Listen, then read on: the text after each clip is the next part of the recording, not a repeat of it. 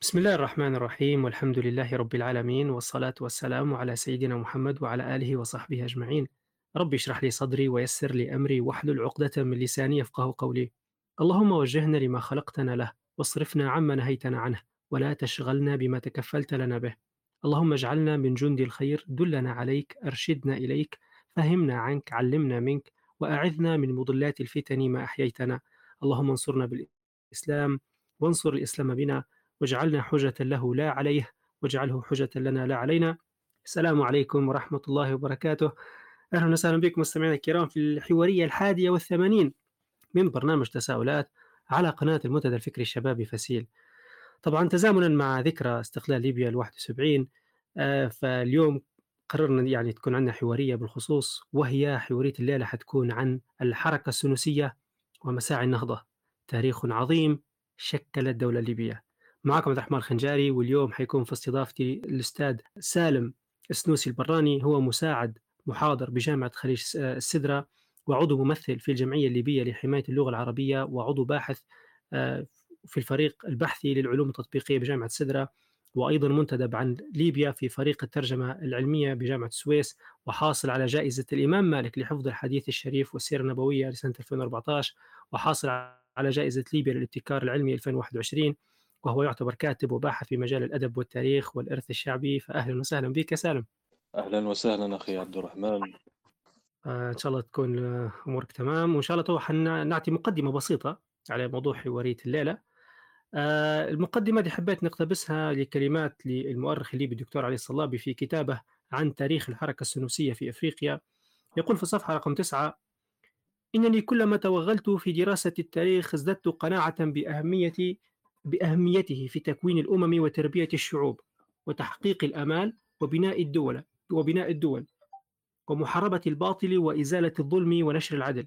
ويقول يتحدث هذا الكتاب يعني الكتاب بتاعه عن حياة هذا الإمام الذي بارك الله في علمه وعمله وأحيا الله به شعبا حمل لواء الدعوة والجهاد في الصحراء الكبرى وسط أفريقيا ولم يتردد في بذل ماله ورجاله من أجل نصرة دين الله تعالى. ويضيف إن شعب ليبيا عندما أكرمه الله تعالى بداعية رباني استطاع أن يفجر طاقاته الكامنة استطاع أن يفجر طاقته الكامنة في تحول إلى مجتمع إسلامي قوي حمل أو حمل مشاعل النور في قلب إفريقيا المظلمة وبذل الغالي والنفيس في سبيل الإسلام نهاية الاقتباس. وأنا نحب نقول كلمات من عندي أن هذه الحوارية إن شاء الله ما هي إلا سعي متواضع لتحريك مياه الوعي الراكدة أو التاريخ الراكدة في وجداننا ومد حبل لوصل يعني مع جذورنا الإسلامية على هذه الأرض المباركة. الممتد تاريخها إلى صحابة الرسول صلى الله عليه وسلم. وهذه الفترة اللي نتكلم عليها هي فترة حلقة الحركة السنوسية. هي تاريخ أو حلقة من ضمن السلسلة هذه من الهداية والعلم والنور على هذه الأرض. فعلينا أن نتعلم منها ونعي الدروس والعبر ونزداد بها عزا وفخر. نعود لك سالم من جديد وحنبدأ على بركة الله في أول محاورنا اللي هو أحوال المجتمع قبل الحركة السنوسية. عشان تقدر تقول يا سالم. نعم أخي عبد الرحمن أولا نستهل بدعاء صادق إلى مولانا الكريم. اللهم لا سهلا إلا ما جعلته سهلا وأنت تجعل الحزن إذا شئت سهلا. اللهم يا معلم آدم علمنا ويا مفهم سليمان فهمنا. ابتداء بموضوع حوارية هذا اليوم ألا وهو الحركة السنوسية و مساعي النهضة في ليبيا. المرحلة السنوسية أو الحركة السنوسية تمثل مرحلة مفصلية في تاريخنا الحديث ابتداء من نهاية العهد القرملي إلى تشكيل دولتنا السياسية الحديثة بالحرب الليبية الإيطالية وحصول ليبيا على استقلالها انتهاء بتكوين المملكة الليبية. ولكن أهمية هذه المرحلة تتعدى كونها مجرد مرحلة زمنية إلى كونها مسعى من مساعي النهضة الفكرية والحضارية في ليبيا. فحري بنا لدراسة تأثير هذه الحركة السنوسية على مجتمعنا الليبي حري بنا أن نسلط الضوء على حال هذا المجتمع الليبي قبل قدوم الدعوة السنوسية أو قبل قدوم الحركة السنوسية. آه، ولد الإمام محمد بن علي السنوسي الخطابي من بني الخطاب من الأشراف الأدارسة. ولد ولاية تلمسان بمنطقة مستغانم وسمي جدهم بالسنوسي نسبة إلى جبل يسمى جبل سنوس حيث كان مولد جد هذه العائلة الكريمة وهي عائلة آه، ينتشر فيها الفقهاء والعلماء في مختلف العلوم الإسلامية. فالإمام محمد بن علي السنوسي جد العائلة السنوسية ومؤسس هذه الحركة ومؤسس هذه الطريقة. هو محور نقاش هذا اليوم أو أحد محاور نقاش هذا اليوم. لكن حري بنا أن نسلط الضوء عن حال المجتمع الليبي قبل السنوسية. ليبيا بداية تشكيل الحديث كدولة ربما يستهل منسجما مع بدايات القرن السابع عشر. بالتزامن مع ظهور دولة القرمنلي أو ظهور الفترة القرمنلية في ليبيا. وهي فترة حكمت فيها أسرة القرمنلي الإيالة الطرابلسية بعد فترة الحكم العثماني الأول وقبل فترة الحكم العثماني الثاني تحديدا من عام 1711 إلى عام 1845 إلى 55 في بعض الدراسات. على كل حال أن هذه الفترة القرملية هي التي شكلت بشكل قوي هوية الليبية السياسية.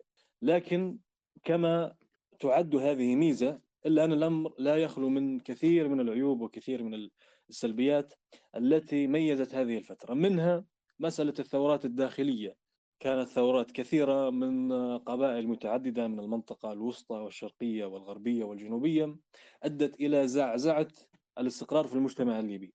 فنجد مثلا ثورة قبائل المحاميد وهم مجموعة من القبائل العربية المنتسبة إلى بني سليم من أبناء محمود بن طوق بن بقية بن وشاح من قبائل الوشاحيين جذر من قبائل العربية يسمى بالوشاحيين.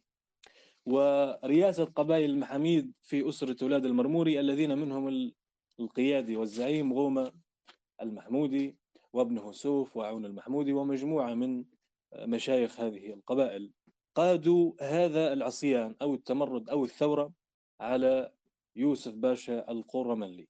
كما نستذكر كذلك تمرد قبائل الجذاثة وأولاد سليمان والورفلة على الحكم القرملي كذلك في قرابة 1840 أو 1850 تحت قيادة أسرة سيف النصر وكذلك قبائل الجوازي وقبائل أولاد علي وقبائل الفوايد ومجموعة كثيرة جدا من القبائل والأهالي من ضمنها آه، مدن وحضر إلى جانب هذه القبائل التي ذكرناها.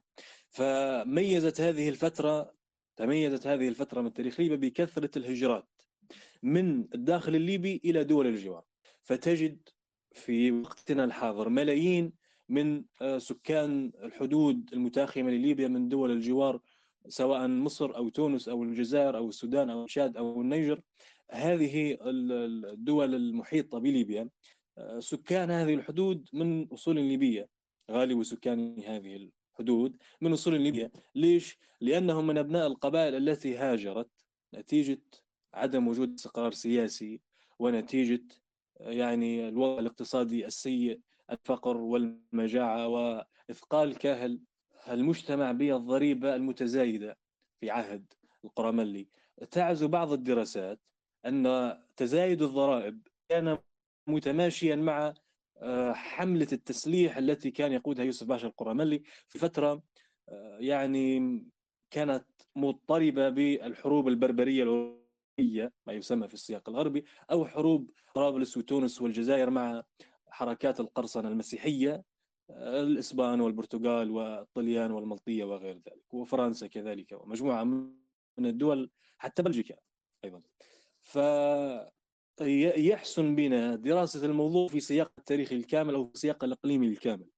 فهذه الأحداث السياسية من ضمن الحرب الليبية الأمريكية في 1805 من ضمنها مناوشات بحرية مع إسبانيا ومع من ضمنها حتى سوء العلاقة ما بين الحاكم الطرابلسي اللي هو القرملي وما بين حاكم تونس وما بين أسرة محمد علي باشا في مصر ويعني إرهاصات الحملة على مصر والكثير والكثير من التفاصيل التي لا نريد الخوض فيها ولكن كان لها تأثير سلبي على جانب الاقتصاد ألا وهو إثقال الكاهل الناس المواطنين بالضرائب. في إحدى منشورات مركز جهاد الليبيين اطلعت على مجموعة كثيرة من الضرائب التي كانت مقررة يعني إذا ما اطلعت على هذه الضرائب ستجد آه، حنقا شديدا من هذا الأمر. يعني السلطة الحاكمة القرملية أو الترك بصفة عامة داروا ضريبة على كل شيء تقريبا. يعني ضريبة على أرض الحرافة وضريبة على ما تمتلكه من إبل ومن خيل ومن حيوانات ماشية ومن أبقار وضريبة على الآبار. يعني البير الذي تشرب منه العائلة أو القبيلة أو القرية أو المدينة يجب على هؤلاء الناس أن يدفعوا ضريبة سنوية نظير هذا البير مع أنهم اللي حافرين وهم حافرين في أرضهم. ولكن كثير من الضرائب كانت مشحفة وكانت غير مقبولة حتى لدى الفقهاء.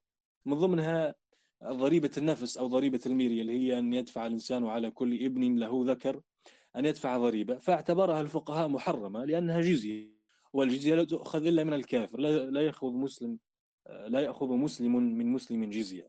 فهذه سببت يعني شرعية لكثير من حركات التمرد التي قامت بها القبائل الليبية على النظام الحاكم. ففي إحدى المقالات السابقة سلطت الضوء على كون الخلفية الثقافية للحاكم التركي غير متماشية مع ثقافتنا نحن كليبيين الثقافة العربية البربرية أو العربية الأمازيغية هذا عدم الانسجام الثقافي هذا هو الذي أدى لاتساع الخرق في كثير من المحطات التاريخية. وإلا كان يمكن تجنيب ليبيا هذه الحروبات الأهلية وهذه الهجرات بشيء من اللين وبشيء من السياسة وبشيء من الحكمة. فغطت ليبيا أو غطى المشهد الليبي في هذه الفترة الهجرات من ضمنهم قبائل المحاميد الذين هاجروا إلى تونس والجزائر المحاميد والمرازيق والنوايل وقبائل هاجرت إلى مصر من ضمنها فوايد أولاد علي والجوازي وبعض البراعصة وبعض آه، الجهمة أيضا قبيلة الجهمة وقبيلة الجبلية. وقبائل هاجرت إلى السودان الأوسط والسودان الغربي وهو ما يسمى اليوم بتشاد والنيجر.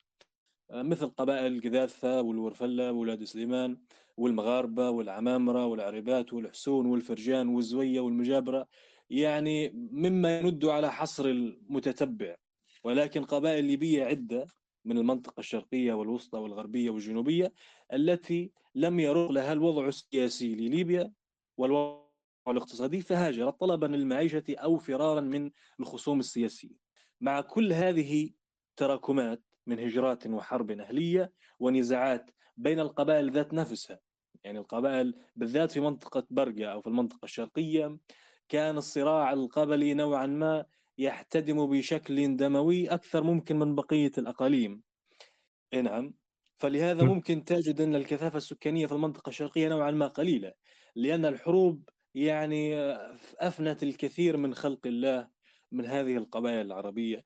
نتيجة غياب الإرشاد الديني نتيجة غياب الوعي آه، الثقافي أو الوعي الحضاري نتيجة غياب دولة تمارس سلطتها فعليا في فرض الأمن.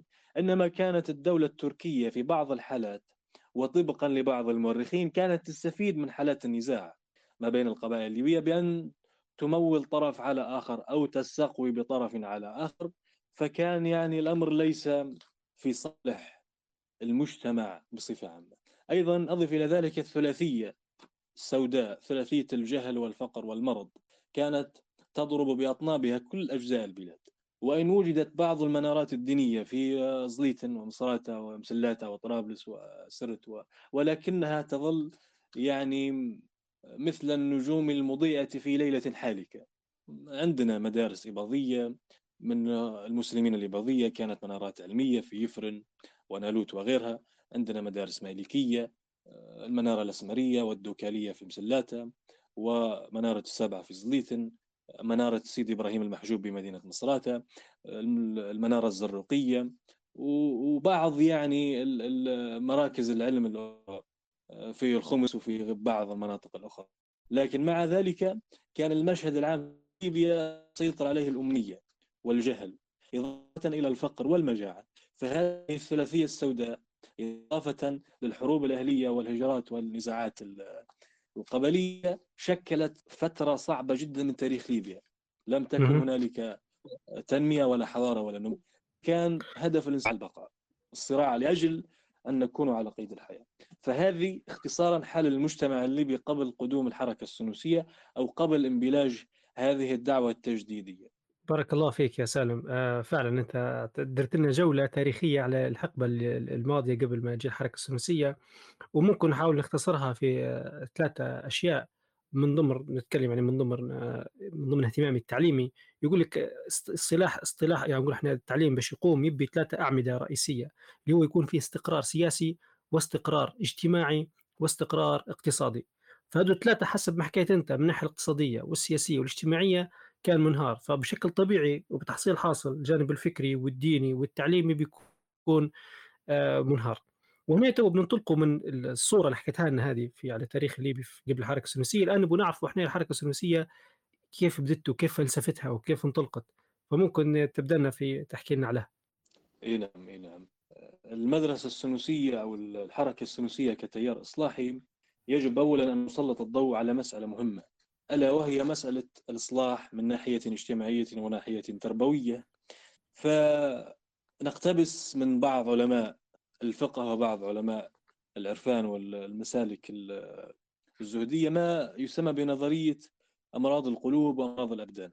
فهنالك فلسفة تقول أن زي ما في أمراض تصيب البدن هنالك أمراض تصيب القلب. اهتم بها ابن القيم الحنبلي. في بعض كتبه الإمام الغزالي ومجموعة يعني الإمام الزروق الفاسي ومجموعة من علماء الشريعة من مختلف مذاهبهم الفقهية أو العقدية. آه، ولكن ما يهمنا في هذه النظرية أو في هذه الفلسفة أن التشخيص الناجح سبب للعلاج الناجح.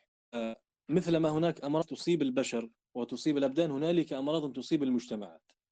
لأجل إقامة تشخيص ناجح آه، لأمراض المجتمع لابد من دراسة وافية لابد من أدوات لابد من خلفية تؤهل صاحبها أن يقوم بهيكلية الإصلاح الاجتماعي. فالإمام محمد بن علي السنوسي وهنا بنطرق إلى التعريف بشخص رحلته العلمية لكيف على هذه الشخصية كيف وصلت إلى درجة الإصلاح أو إلى نضوج فكرة الإصلاح الاجتماعي في الأمة الإسلامية وفي البيئة الليبية خاصة.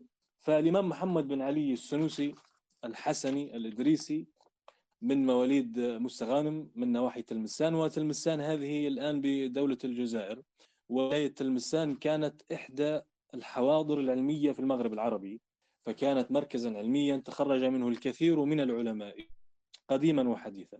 درس الإمام محمد بن علي السنوسي العلوم الشرعية واللغوية وغيرها ببلده الجزائر ثم ارتحل إلى فاس التي كانت قبلة العلماء وقتها في 1813 ميلادية. وهنالك في تعرف على الطرق الصوفية أو آه، احتك عن قرب بكثير من الطرق الصوفية لأن مدينة فاس مدينة مشتهرة بكثرة المشايخ والطرق الصوفية فيها وبالحركة العلمية المالكية فيها وكونها مركز حضري قديم في المغرب الأقصى. فكون خلفية ودرس ودرس واحتك بكثير من عناصر المجتمع العلمي بمدينة فاس.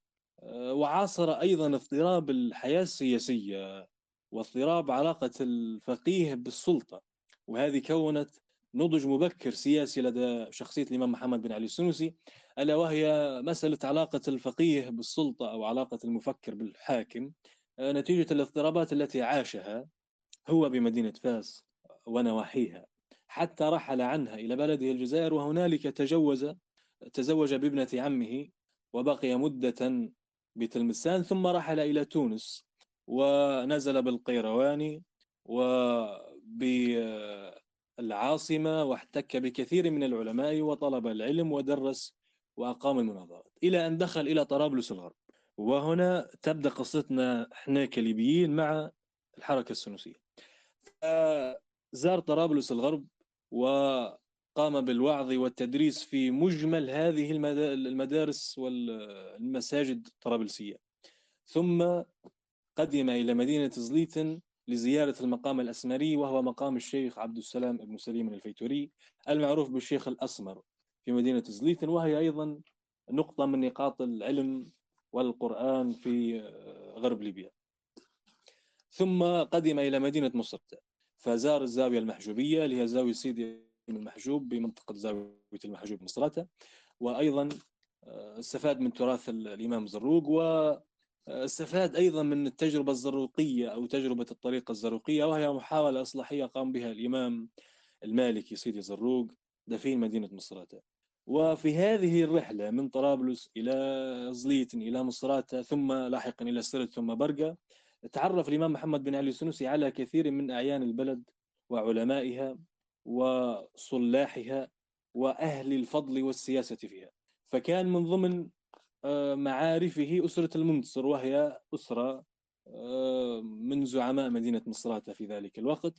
فأكرموا وفادة هذا الشيخ الجزائري واستفادوا من علمه وأنزلوه نعم المنزل. إلى أن آه، سلمته أسرة المنتصر ودعته من سرت لتتلقاه قبائل المغاربة بمنطقة الوادي الأحمر والنوفلية. ونزل في ضيافة الشيخ علي لطيوش. وأكرم أيضا الشيخ لطيوش وبقية مشايخ المغاربة والقبائل التي معهم. هذا الشيخ إلى أن يعني انطلق من جدابيا إلى أوجلة ومنها إلى جالو. فتعرف على الشيخ عمر بوحوة وهو والد المجاهد الشهير سيدي الفضيل بوعمر بوحوة وكون الكثير من المعارف بعلماء أوجلة وجالو وناسها وتجارها وغير ذلك. ثم كانت له عودة إلى برقة عودت إلى برقة هذه بعد قدومه من الحجاز. فنزل ضيفا في نجع الشيخ اللواطي وهو من مشايخ قبائل العواقير والشيخ الكزة كذلك من قبائل العواقير وأكرموا وفادته إلى أن زار منطقة الجبل الأخضر بضيافة قبيلة البراعصة ثم إلى العبيدات وبعض من قبائل المرابطين وقبائل الحرب الأخرى. فهذه الجولة التي قضاها الإمام محمد بن علي السنوسي في برقة وطرابلس ومنطقة سرت والواحات كون بها صورة عامة مش بس عن ليبيا وإنما عن عموم المغرب العربي ابتداء من فاس في حده على المحيط الأطلسي إلى برقة في حدود المغرب العربي مع المشرق ثم ارتحل إلى الحجاز فدخلها في 1825 وهنا البداية الفعلية للحركة السنوسية كفكرة وكطريقة. في الحجاز في 1825 تتلمذ الشيخ محمد بن علي السنوسي على يد الإمام أحمد بن إدريس. وأحمد بن إدريس هذا كان من علماء أهل السنة ومن علماء المتصوفة ومن علماء المالكية. وكان يحظى حتى باحترام أمراء العائلة السعودية وبعض يعني علماء أو مشايخ المذاهب الموجودة هناك بمنطقة الحجاز. فتتلمذ الإمام محمد بن علي السنوسي على يد هذا الشيخ ولازمه بالحجاز مدة تربو عن الخمسة عشر عاما. كان تتلمذ فقهي وتتلمذ روحي ومسلكي في طريقة آه، بن إدريس أو ما يسمى بالطريقة الإدريسية إلى أن أذن الشيخ أحمد بن إدريس لتلميذه الشيخ السنوسي بأن يستقل بطريقة سنية صوفية سنوسية. وهنا استقلال الطريقة لعله يحسن تشبيهه باستقلال علمي. كأن هذا الإذن الذي أعطاه له شيخه آه، نشبهه باستقلال الكلية عن جامعة أو استقلال آه، عالم عن عالم آخر أو فرع عن أصل. بمعنى أنت الآن جاهز لأن تعقد مجمعا علميا وتضع منهجية علمية وتضع منهاجا تربي عليه أفئدة المؤمنين وعقولهم. وهذا ما كان. فبنى الإمام محمد بن علي السنوسي زاوية في جبل لأبي قبيس في نواحي مكة المكرمة وكانت أول زاوية سنوسية. ولم تتوقف الزوايا السنوسية بالحجاز عند هذا الحد حيث استمرت آه، استمر إنشاء الزوايا إلى زاوية المدينة المنورة على صاحبها وساكنها أفضل الصلاة والسلام وزاوية بدر وزاوية منى وزاوية الطائف وجدة وينبع إلى أن انتشرت في بلد اليمن. انتشرت الزوايا السنوسية باليمن و إضافة للحجاز وجنوب السعودية.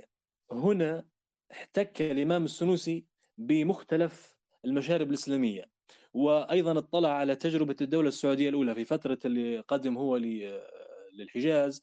كانت الدولة السعودية الأولى قد سقطت وأعيدت السلطة العثمانية على هذه المناطق. فأستفاد من من يعني التجربة التي فشلت الأسرة السعودية في محاولة الاستقلال وتجربة في تجربة دينية معينة فأستفاد بطبيعة الحال من الوضع الذي وجده أمامه ولكن النقطة الفاصلة هنا هي دور السنوسية في الحجاز فينقل لنا الشيخ بيرم التونسي في كتابه صفوة الاعتبار أن السنوسية كان لها الفضل في إعادة قوافل الحجيج إلى البلاد المقدسة كيف ذلك؟ كيف ذلك؟ آه، فيذكر الشيخ بيرم التونسي أن ظاهرة الغزي والنهب والصدو والتعرض لقوافل الحجيج كانت ظاهرة مقلقة جدا وكانت تعطل مناسك الحج في فترات كثيرة من قبائل الأعراب ومن قبائل آه، البادية هذه التي لم تكن تحتكم إلى سلطة ولا إلى شريعة. فتعرض المسلمين في فترة طويلة إلى تعطل بعض المناسك آه، أو أو تعرضهم للأذى خلال آه، رحلة الحج. فانتشار هذه الزوايا السنوسية جعل هذه الزوايا بمثابة نقاط لتأمين قوافل الحجيج وحتى يذكر الشيخ بيرم تقريبا في كتابه هذا يذكر قصة آه، عن تعرض أحد هؤلاء الغزاة البدويين لأحد مشايخ تلاميذ سيدي السنوسي أو الإمام السنوسي. فحاصروه حاصروا بعض المشايخ السنوسية وتوفوا نتيجة الحصار أو من القتل أو كما تذكر الحادثة. فظهرت شيء مثل الكرامة يعني أن هؤلاء القطاع الطرق الذين قتلوا هؤلاء المشايخ الزاوية السنوسية تفشى فيهم مرض وأبيدوا على بكرة أبيهم. فأصبحت هذه الحادثة عبرة لجميع القبائل ولجميع من يمتهن هذا هذه الحرابة أن هؤلاء الناس المباركين يعني يؤدون مهمة تأمين الحجيج وأن هؤلاء أهل ذكر وأهل علم فوقع في روعهم شيء من الوجل والخوف والتقدير لهذه الحركة. فيستمر الشيخ بيرم التونسي في كتاب صفوة الاعتبار عن ذكر يعني دور هذه الحركة السنوسية دورها الإيجابي في تأمين آه، قافلة قوافل الحجيج وإرساء الاستقرار بهذه المنطقة. وكانت هذه يعني ثمرة جليلة جدا في بدايات بدايات الحركة السنوسية طبعا لا يفوتنا لا يفوتنا ذكر يعني قدوم الحجيج البرقاوي أو حجيج من أعيان المنطقة الشرقية. فطلبوا من الإمام محمد السنوسي أن يعود إلى الديار الليبية وأن يعود إلى الجبل الأخضر والنواحي المتاخمة لحاجة الناس إلى من يعلمهم شؤون دينهم.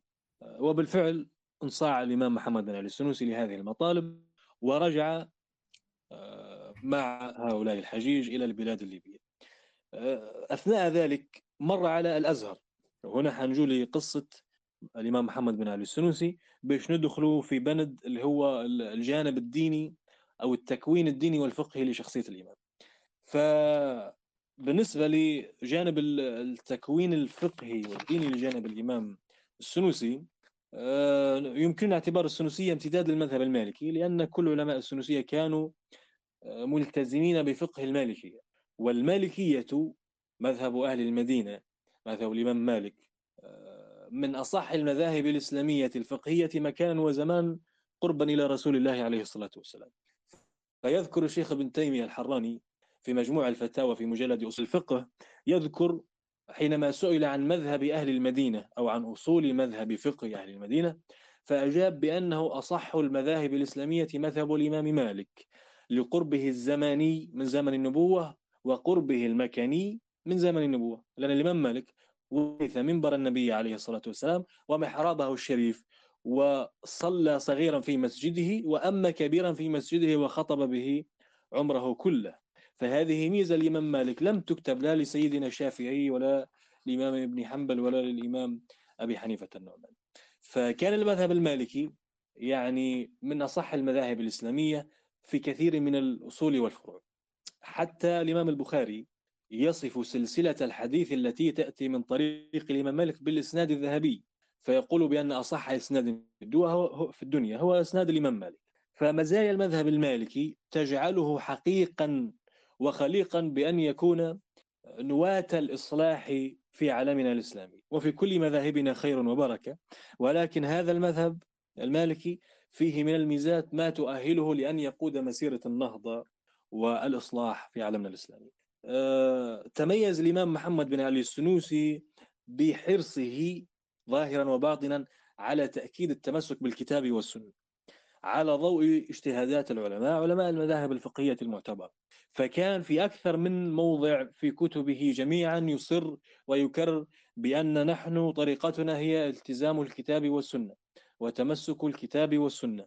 ويمكننا نقل لاحقا بعض الاقتباسات من كتبه التي تعبر عن آه، مرجعياته الفكرية. كان يرى الإمام محمد بن علي السنوسي أيضا بضرورة فتح باب الاجتهاد. وهو ما لاقى منه معارضة شديدة.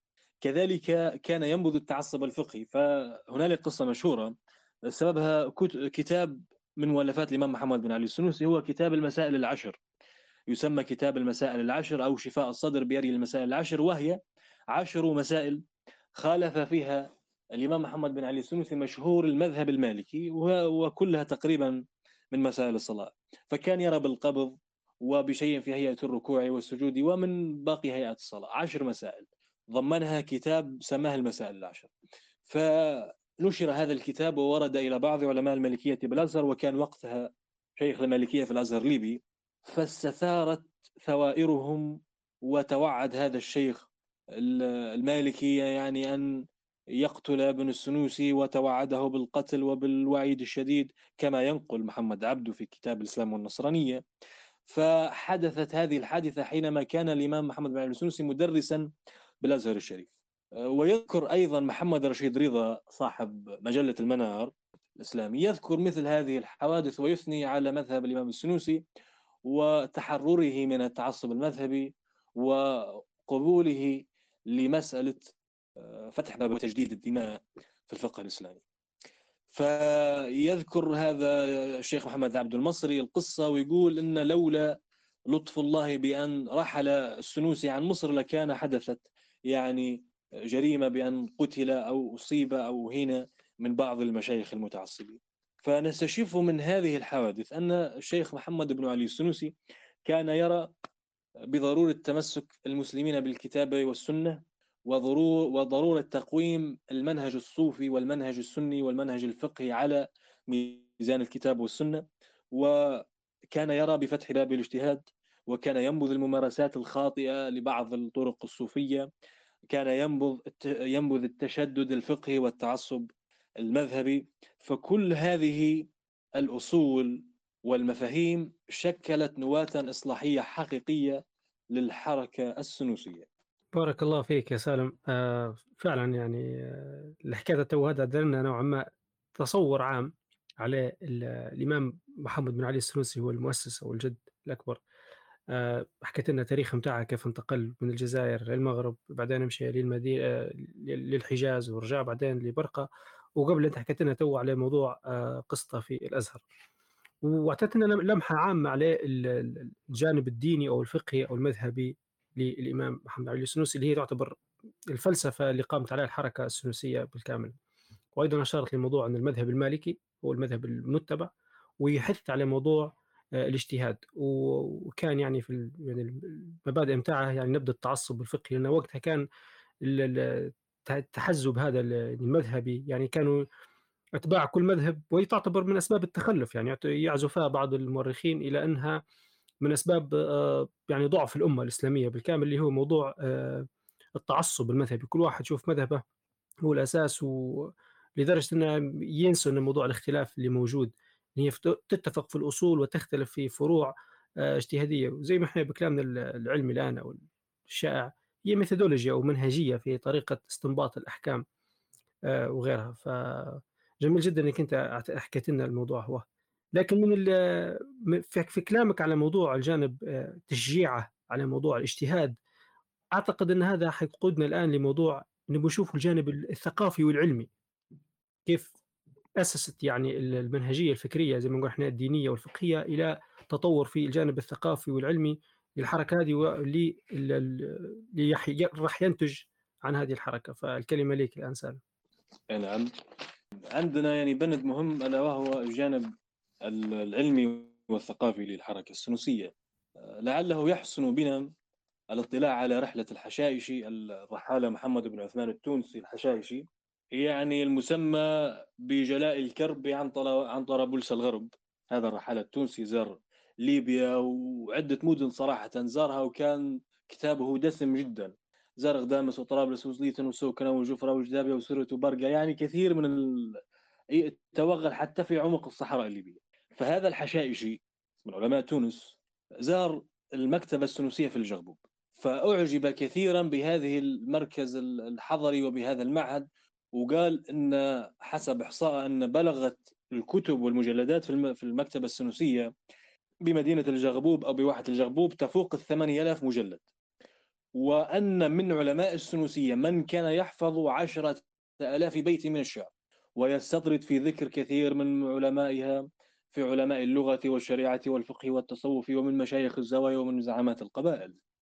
فسنذكر جانبا من هؤلاء الشخصيات العلمية من مشايخ العلم الشرعي ومن الزعامات الاجتماعية التي كانت معينة في ومنتظمة في سلك الحركة السنوسية.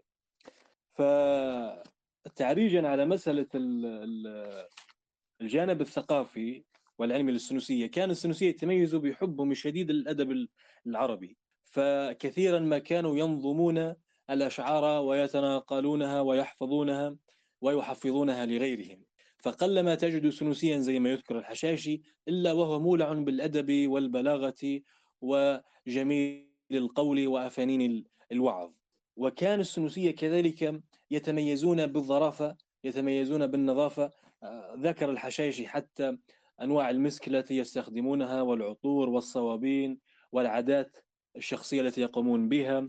عندهم نوع من الشاهي يعني آه، تلك الفترة كانت سلعة الشاهي منتشرة في المجتمع الليبي بداية انتشارها فكان لهم شعر فكاهي حول الشاهي وبعض علماء السنوسية في الجغبوب وفي الكفرة دار حتى شعر في الشاهي الأحمر والأخضر وكيفية إعداده وفوائده ومضارة يعني شيء من البلاغة ومن الفكاهة ومن الطرافة.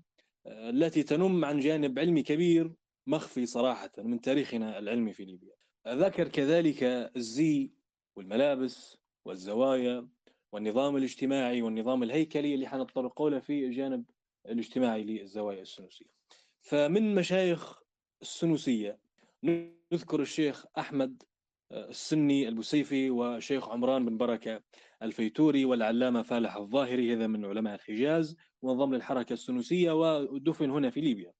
والشيخ محمد التواتي والشيخ الساعدي البراني الزوي والشيخ محمد بن حيدرة من علماء هون والعلامة أحمد بن إدريس إذا كان إمام جامع النوفلية أو إمام الزاوية السنوسية بمنطقة النوفلية وأصوله من شرفة زليتن والشيخ إبراهيم الغماري والشيخ محمد بن عبد الشفيع من علماء سرت والعلامة اللغوي أبو سيف بن مقرب البرعصي من جبل الأخضر. الشيخ عبد اللطيف الزرولي من الزوية الشيخ أحمد بن علي من منطقة مزدة من قبيلة ولاد بوسيف الشيخ السنوسي بن عبد الهادي من نوفلية ومصطفى أبو طغان المغربي من نوفلية كذلك الشيخ مصطفى المحجوبي ومصطفى الدردفي والقاضي علي الجزيري هؤلاء من علماء مصراتة والفضيل الكزة والشيخ الفضيل أبو عمر ومجموعة كثيرة يعني تند عن الحصر من كل القبائل والمدن الذين تتلمذوا على يد الحركة السنوسية وتخرجوا محافظين وعلماء وفقهاء وشعراء يندوا عن حصر الحصر. وكذلك كثير من الزعامات القبلية من مشايخ القبائل أمثال الباشا صالح الطيوش والباشا عبد السلام الكزة والشيخ الشريف الحرنة وحمد الباسل الفايدي ورقرق العمروني والشيخ الممري بو ياسين العبيدي والشيخ حمد العبدية الزوي والشيخ حمد المريض الترهوني الشيخ الفضيل بو مرزوق والشيخ عبد الله طوير الشيخ عمر المصري الجازوي والسعدي كيشار من مشايخ الفوائد بمنطقة الفيوم وصعيد مصر والمازق بو حدوث من قبيلة البراحصة وعدد كبير جدا من مشايخ المنطقة الشرقية والوسطى وزعامات المنطقة الغربية أمثال أحمد السويحلي وأحمد البيك أحمد المريض الترهوني ومجموعة كثيرة يعني تند عن الحصر. كلهم ارتبطوا بالسنوسية ارتباطا روحيا وسياسيا. ودينيا من هؤلاء العلماء بناخذ شخصية واحدة هي شخصية العالم اللغوي والشاعر والنحوي الإمام بوسيف بن مقرب بن حدوث البرعصي أحد علماء ليبيا المنسيين ولولا أن قيض الله دكتور في جامعة قريونس عثر على مخطوط لهذا الشيخ وحققه أحد التلاميذ تقريبا الدكتور اللي من جامعة قريونس هو الدكتور محمد دغيم والأستاذ عصام المجريسي واشتركوا في ترجمة هذا العلامة وفي تحقيق جزء من كتابه المسمى بحاشية أبو سيف بن مقرب على شرح بحرق اليماني على لامية الأفعال لابن مالك العلامة اللغوي الشهير. آه، اللغوي العلامة أبو سيف مقرب حدوث البرعصي كان من علماء قبيلة البراصة بالجبل الأخضر ومن تلاميذ الحركة السنوسية من تلاميذ الإمام المهدي والإمام محمد بن علي وبقية المشايخ السنوسيين وله عديد المؤلفات منها رسالة في إعراب البسملة ومنها شرحه أو حاشيته على شرح اليماني على لمية الأفعال لابن مالك. نعم. وكذلك له ديوان من الشعر الشعبي وديوان من الشعر العربي وكان آه، ينظم المسائل اللغوية بالشعر. فله أشعار في نظم مسوغات الابتداء بالنكرة في 18 بيتا شروط ضمير الفصل في ستة أبيات معاني حروف الجر آه، معاني آه، بعض الأفعال وهكذا من أشعار لغوية.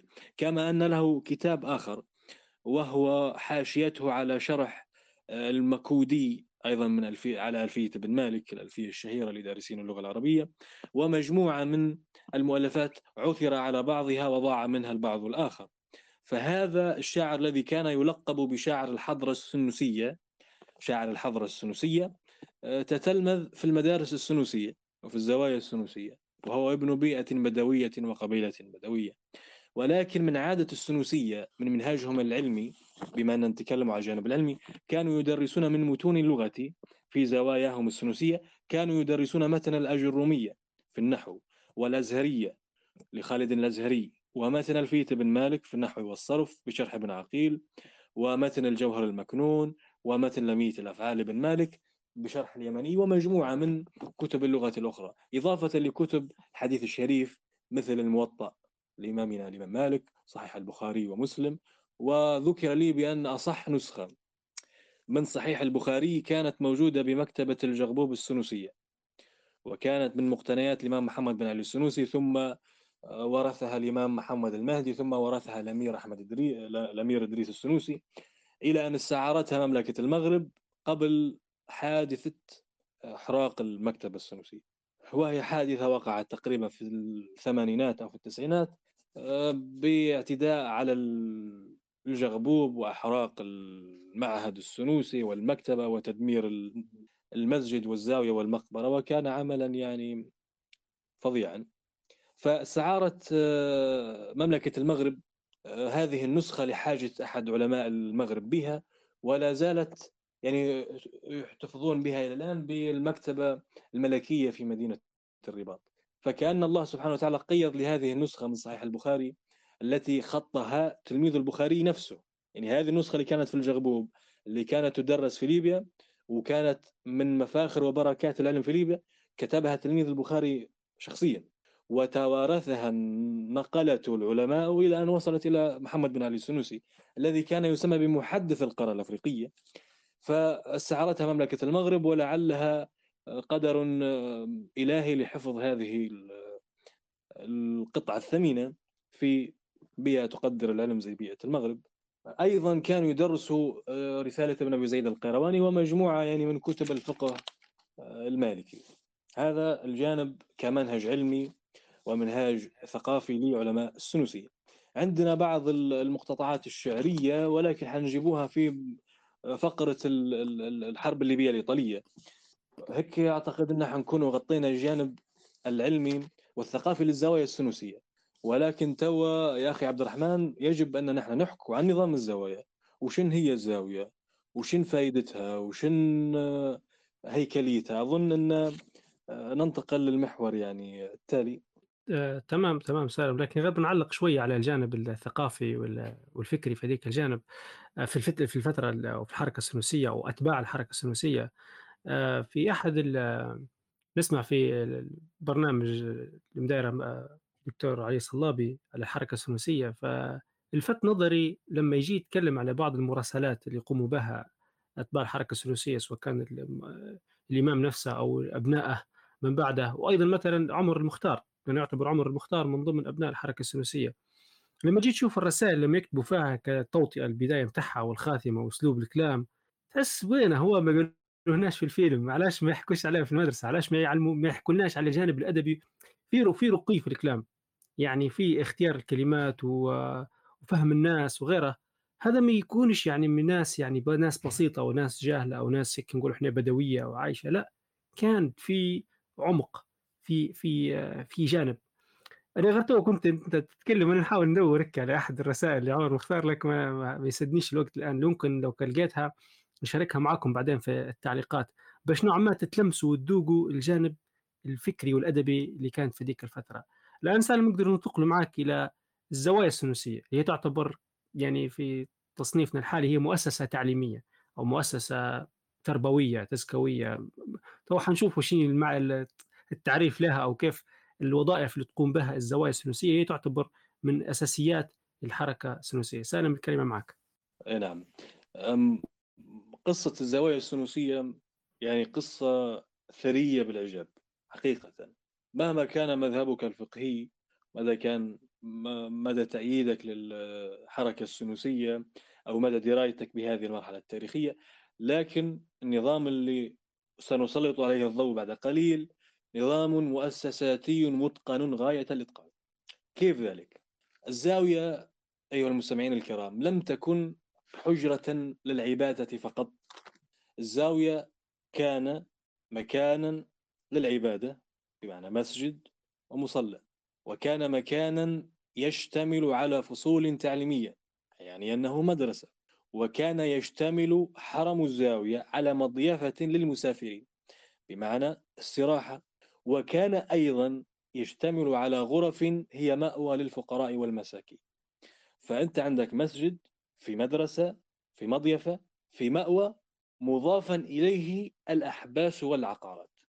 ما هي عرفنا مكان العبادة ومكان التعليم ومكان الضيافة ومكان آه، إيواء الفقراء والمحتاجين شن هو الحبس؟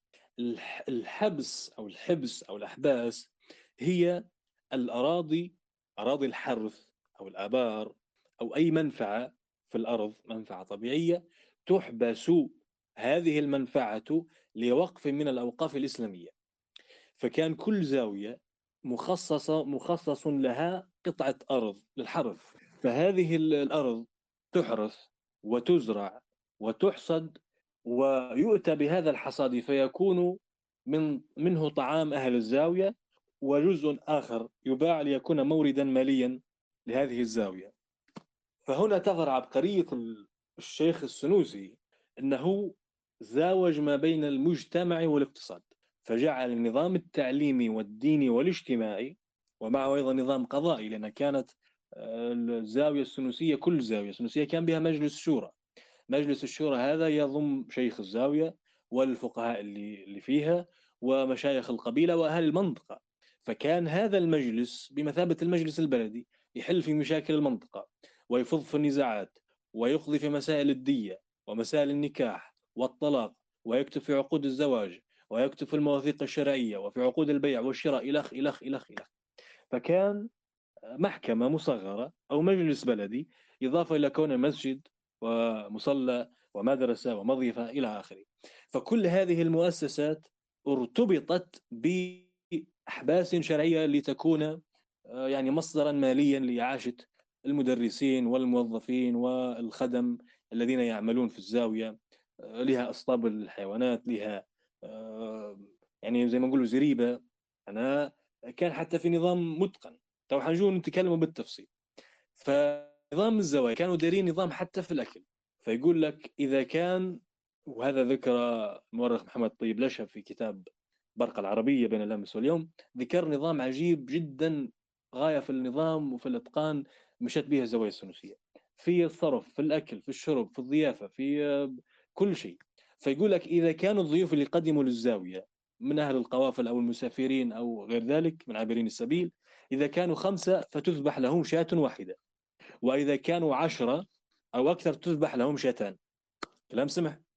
أيضا قال لك أن اللحم اللي هو النظام الغذائي اللحم يعطى لمرة واحدة في الأسبوع اللي هو يوم الجمعة. اللي هو الطلبة اللي يقرأوا في القرآن والمحفظين وإمام الجامع والناس اللي في حرم الزاوية جيران الزاوية ينعزموا يوم الجمعة على وجبة غداء تحتوي على اللحم. وبقية الأيام يكون طعامهم من البري والشعيري والزميتة والتمر وغير ذلك. أيضا كانوا مديرين نظام معين لتلقي الزكوات فكانوا يأخذوا في الزكوات ويصرفوا فيها في مصاريفها الشرعية. كانت هذه الزوايا بمثابة استراحات زي تو المسافر من طرابلس إلى بنغازي يجد استراحات في الصحاري في بن جواد والله العقيلة والله بشر والله سرت والله غيرها يدرس ياكل ويشرب ويصلي هو عائلته في أمن وأمان. فزمان ما كانش في الاستراحات هذه كانت في الزوايا. وأختير أختير مواقع الزوايا أختيرا بحيث تكون آه، مناسبة للقوافل التجارية. فالشيء هذا يعني أدى إلى ازدهار حركة التجارة. ليش؟ لأن تعريج خط القوافل على خط الزوايا أدى إلى حماية هذه القوافل من الغزي. لأن الناس الاولى عندهم عقيدة في المرابطين يعني يخافوا من الناس المرابطية يخافوا يتعرضوا للزاوية ما يقدروش يتعدوا حرم الزاوية ولو كان أكبر مجرم في ذلك الزمان يعني. وهذه من محاسن الناس في ذلك الوقت. فالقوافل كانت تبيت وتحتمي في هذه الزوايا فتامن تجارتها وكذلك تؤدي زكواتها هذه القوافل التجارية إلى الزوايا. فخلق السنوسي هذا نظاما مسخرا لطبقات المجتمع بعضها لبعض يعني الزوايا مسخرة لخدمة العلم والعلماء والفقراء والأهالي والقبائل والتجار المسافرين القوافل وسخر هذه القوافل لكي تكون موردا من ضمن الموارد التي تدر على الزاوية آه، بعض أوجه الصرف. أيضا مسألة أخرى ألا وهو ربط الزاوية بالقبيلة.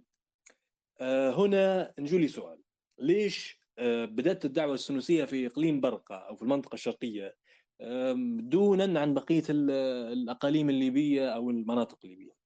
لأن اللي وجد الإمام محمد بن علي السنوسي في برقة تركيبتها الاجتماعية قبائل عربية بنسبة 90 أو 80% قبائل عربية الأصل ويجمعها رابطة الدم كون هذه القبائل من المطروح شرقا إلى سرت غربا تجمعها أرومة الدم يجعل بينها عرفا مشتركا.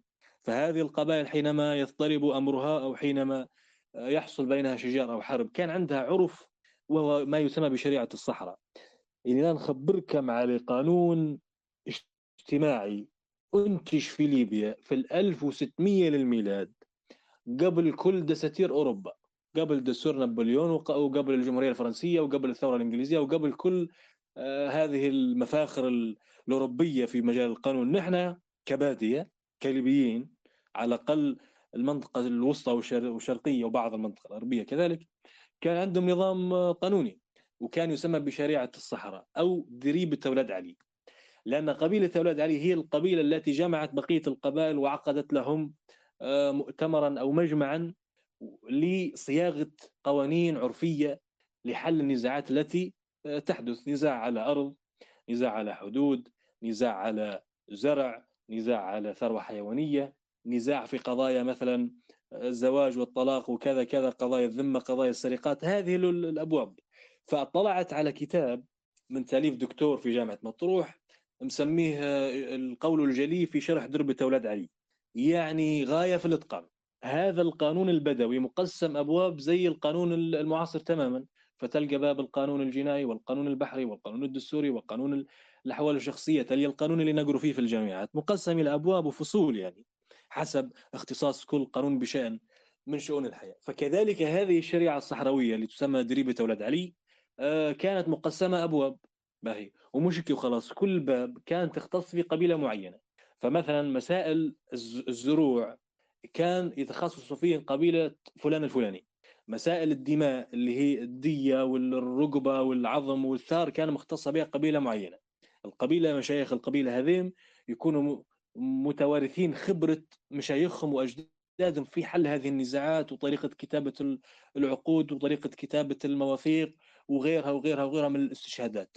فمش بس داروا شريعة وقسموها على أبواب آه، قانونية إنما خصصوا كل قانون أو كل فصل من القانون لقبيلة معينة باش تكون مختصة فيه ولها أو لعقلائها الحكم في هذا الباب. فوجد الإمام السنوسي هذه الخريطة قدامه وهذه الشريعة وهذه القبائل آه، مترابطة بمنطقة برقة فوجد قواعد قدام أنه يبني عليها. يعني عائلات وأسر تنحدر من عشائر. هذه العشائر تنحدر من قبيلة تأتمر بأمر القبيلة والقبائل تلتقي في جد جامع فتأتمر القبائل الصغرى بأمر قبائلها الكبرى والقبائل الكبرى بأمر زعاماتها. فإذا أنت تفاهمت مع زعامة القبيلة يغنيك عن التفاهم عن القبيلة كلها فردا فردا كبيرا صغيرا رجلا أو امرأة. فكان هذا النظام الهرمي اللي هو يتماشى مع الشخصية العربية أو الشخصية البدوية هذا النظام الهرمي نظام القبيلة والعشيرة اللي كان موجود في الشرق وموجود إلى يومنا هذا وإن كان آه، باختلاف آه، هذا النظام هو اللي ساعد السنوسية أن يقوموا بحركة بتأسيس بنيان على هذه القواعد. فامتدت مثلا هذه الشريعة إلى بعض المنطقة الغربية وإلى منطقة سرت ومنطقة ترهونة ووجدت في بعض وثائق المهاجرين الليبيين في البلاد التونسية في أحد كتب مركز جهاد الليبيين وجدت يعني القبائل الطرابلسية بمعنى القبائل الليبية لأن زمان ما كانش مسلم ليبيا موجود فكان يقولوا القبائل الطرابلسية. الطرابلسيين اللي هاجروا لتونس زي المحاميد والفواتير والمصاريت وأهالي ترهونة وبعض من عرب الشرق والنوايل والمرازيق والعلالقة والرقعات والاختنا ومجموعة كبيرة من قبائل منطقة الزاوية وغريان والقبلة وغيرها اللي هاجروا لتونس هذين آه، نتيجة يعني حركات التمرد على السلطة السياسية أو نتيجة الجفاف والظروف الإقتصادية. شنو داروا لما جو لتونس؟ داروا نظام اجتماعي اللي هو نظام الشريعة الصحراوية هذه. فكل عروش طرابلسيه يعني كل عشائر طرابلسيه أمرت عليها شيخ باهي وهؤلاء مشايخ العشائر تلاقوا في مجلس يسمى القعدة الطرابلسيه أو كما يقولوا في الشرق يقولوا الميعاد بعد تصير لك مشكلة يقول لك ضروري نجيبك في ميعاد يعني نجيبك في مجمع عرفي فيه العقلاء والحكام اللي يحكموا عليك طبقا للشريعة والعرف الاجتماعي فاطلعت على بعض الوثائق اللي كتبت في تونس في المهجر التونسي. كتبوها الليبيين اللي هاجروا من إقليم طرابلس كيف يحلوا في مشاكلهم؟ يعني هم مستغنيين عن النظام السياسي في تونس هم مستغنيين عن القضاء ومستغنيين عن المجتمع التونسي وقاعدين مجتمع ليبي مصغر داخل المجتمع التونسي. يعني أنا أحكي لك عن مشهد حضاري لينا إحنا الليبيين ما تلقاش لا في كتب ولا في جامعات ولا في مقالات ولا يحكي به شخص. إحنا كأجيال سابقة وحالية مغيبين تماما عن مفاخر تاريخنا قانونيا حضاريا ثقافيا قبليا اجتماعيا. يعني حتى الناس اللي يتكلموا في التاريخ أو صفحات الفيسبوك هذه المشبوهة ما يجيبوش إلا النقاط السوداء في التاريخ.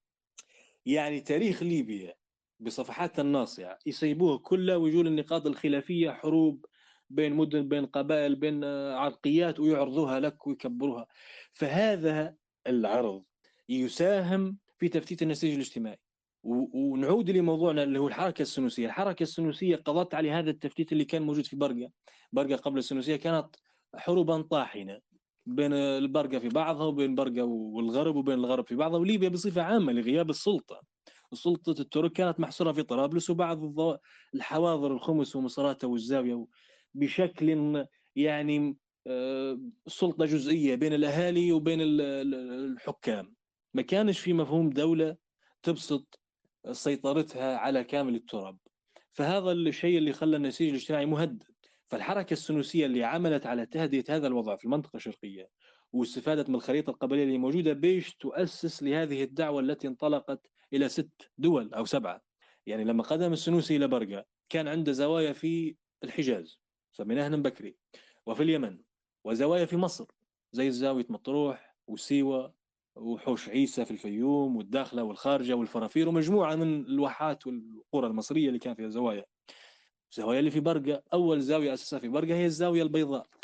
باهي ليش اختار منطقة البيضاء بالذات؟ الجبل الأخضر. تبركا بسيدنا رويفع الأنصاري صحابي رسول الصحابي الجليل صحابي سيدنا رسول الله عليه الصلاة والسلام. وعرب الشرق يسموا فيه يقولوا سيدي رافع.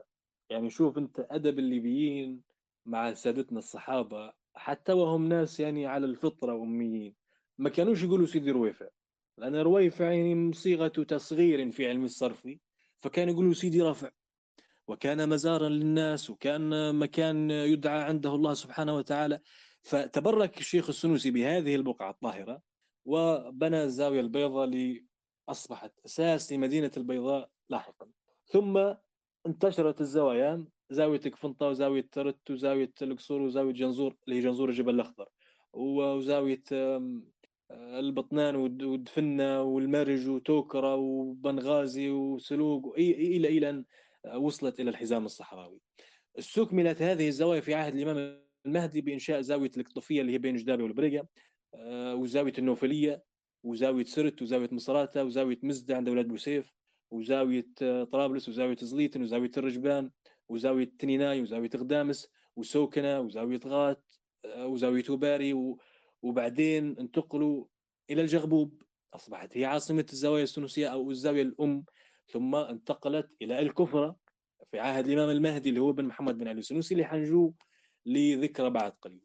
فانتشرت الزوايا إلى أن وصلت إلى الجزائر وتونس وتشاد والنيجر في عهد في عهد الإمام المهدي اللي هو بن المؤسس الشيخ محمد بن علي السنوسي. فهذا على إيش يدل؟ يدل أن العالم الإسلامي في ذلك الفترة كان متعطشا لحركة علمية تخرجه من دياجير الظلام والجهالات يعني كيف آه، رجل مثل محمد بن علي السنوسي في ظرف خمسين سنة أو أقل من حياته من استقلاله عن الطريقة الإدريسية وتأسيسها لزاوية أبو قبيس في مكة إلى أن دفن وتوفي رحمه الله وغفر له في الجغبوب كيف أسس أكثر من سبعين زاوية في ست بلدان إسلامية؟ في زمن كان فيه السفر وكان فيه الاتصال والمواصلات من أعسر ما يكون. فما هو إلا توفيق الله سبحانه وتعالى وما هي إلا بركة العلم وبركة الصلاح والإصلاح. بارك الله فيك يا سالم جزاك الله كل خير. يعني تطوافها جميلة جدا يعني في آه، الزوايا وفكرتها وانتشارها والأغراض اللي كانت تقوم بها يعني. فكرتني بالزمان في الدول مثلا نقول إحنا في في الترك غادي يقولوا الخانات أو إذا كان صح كلامي يعني تكون كان مضياف لكن هذا كان بعده أبعد من قصة ضيافة عادية. فموضوع التعليم وان تكون مدرسة وتكون يعني آه، نقطة تواصل ما بين الجهات وتعليقا بسيط بس على موضوع الأحباس أو الوقف. فنظام الوقف الإسلامي يعني من الأشياء اللي إحنا فعلا محتاجينها الآن يعني في يعني إحيائها في آه، مجتمعنا لأن هي عبارة عن شنو شغل مجتمعي. يعني شغل مجتمعي مش معتمد على الدولة إن هي تقوم به وكذا. فإحنا تو حتى في تفكيرنا نراجع الدولة هي تدير. لا المجتمع لما يكون قوي وفيه آه فيه رؤية معينة ينطلق منها ومتمسك يعني بالقيم الإسلامية. حيرجع يشوف النظام الاقتصادي هذا من نظام أنجح نظام يعني كان متبع خلال الحضارة الإسلامية بالكامل. فكرة إنه يتم حبس بعض الأموال أو أرض أو مجموعة يعني عم بالمصطلح الحديث الآن نقول استثمار. يعني يقوم بعملية استثمار تجاري في قطعة أرض أو مشروع تجاري مربح. فيتم تمليك هذا المشروع التجاري لله عز وجل كوقف ويكون آه، الربح الزائد من غير التكاليف التشغيلية لذلك المشروع التجاري الربح الفائض يمشي لمصرف من مصارف آه، العلم مصارف يعني معتبرة سواء كان مثلا طلبة علم في مساعدة محتاجين آه، صدقة لناس معينة لازم تحدد الفئة اللي بيتوجه لها هذه الأموال. فكانت يعني حسب ما فهمت من كلامه موضوع نظام الزوايا هذه كان مرفق معها مشروع تجاري سواء كان قطعة ارض أو غيره للإنفاق على هذه الزاوية بحيث يعني بالمصطلح الحديث يقول عندها استقلالية مالية. الاستقلالية المالية والذمه المالية المستقلة عن الدولة وغيرها وكباش تقدر تصرف على نفسها ويبدو في يعني نقول إحنا بالمصطلح آخر استم... نقول إحنا الاستدامة أيوه. تبدأ العملية مستدامة ما بتقعدش واقفة. فهذا شيء عبقري صراحة. ممكن حاجة واحدة بس ممكن ما سالم ما حكاش عليها بشوية وضوح مو نظام البريد. آه لو تعطينا تحكي لها بعدين به. تمام. اذا ما نحن ممكن ننتقل للجانب آه نقول فترة آه سيرة الإمام المهدي محمد بن المهدي السنوسي ابن آه محمد بن علي السلوسي فتقدر تبدأ؟ نمكن نحكم من النقطة هذه. نعم هو بالنسبة لنظام الزوايا حكينا عن نظام الزوايا باعتباره يعني كان مؤسسة اجتماعية مرتبط أيضا بالقبيلة. عندنا نظام البريد اللي هو نظام مواصلات. قسموا يعني زعماء الحركة السنوسيه قسموا نظام البريد إلى أربع آه، نقاط. بريد برقة وبريد طرابلس وبريد مصر وبريد السودان. كان وظيفة هذا البريد أن يعني يربط هذه الأقاليم البعيدة في بعضها وكان عنده دور كبير في استشراف الغزو الأوروبي لأفريقيا سواء الغزو الفرنسي للجزائر ثم تشاد والنيجر ومالي أو بعدين الغزو الغزو الإيطالي لليبيا. فكان طبعا شخصية الشيخ محمد علي السنوسي ما حضرش هو حرب إيطاليا ولكن كان عنده آه، حوار مرة مع أحد مشايخ العواقير آه، تقريبا الشيخ الكاسح الكيلاني.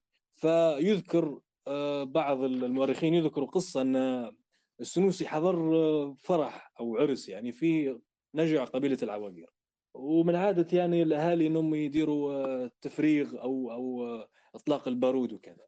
فسأل السنوسي هنا الشيخ الشيخ الكاسح العقوري الشيخ الكاسح الكيلاني.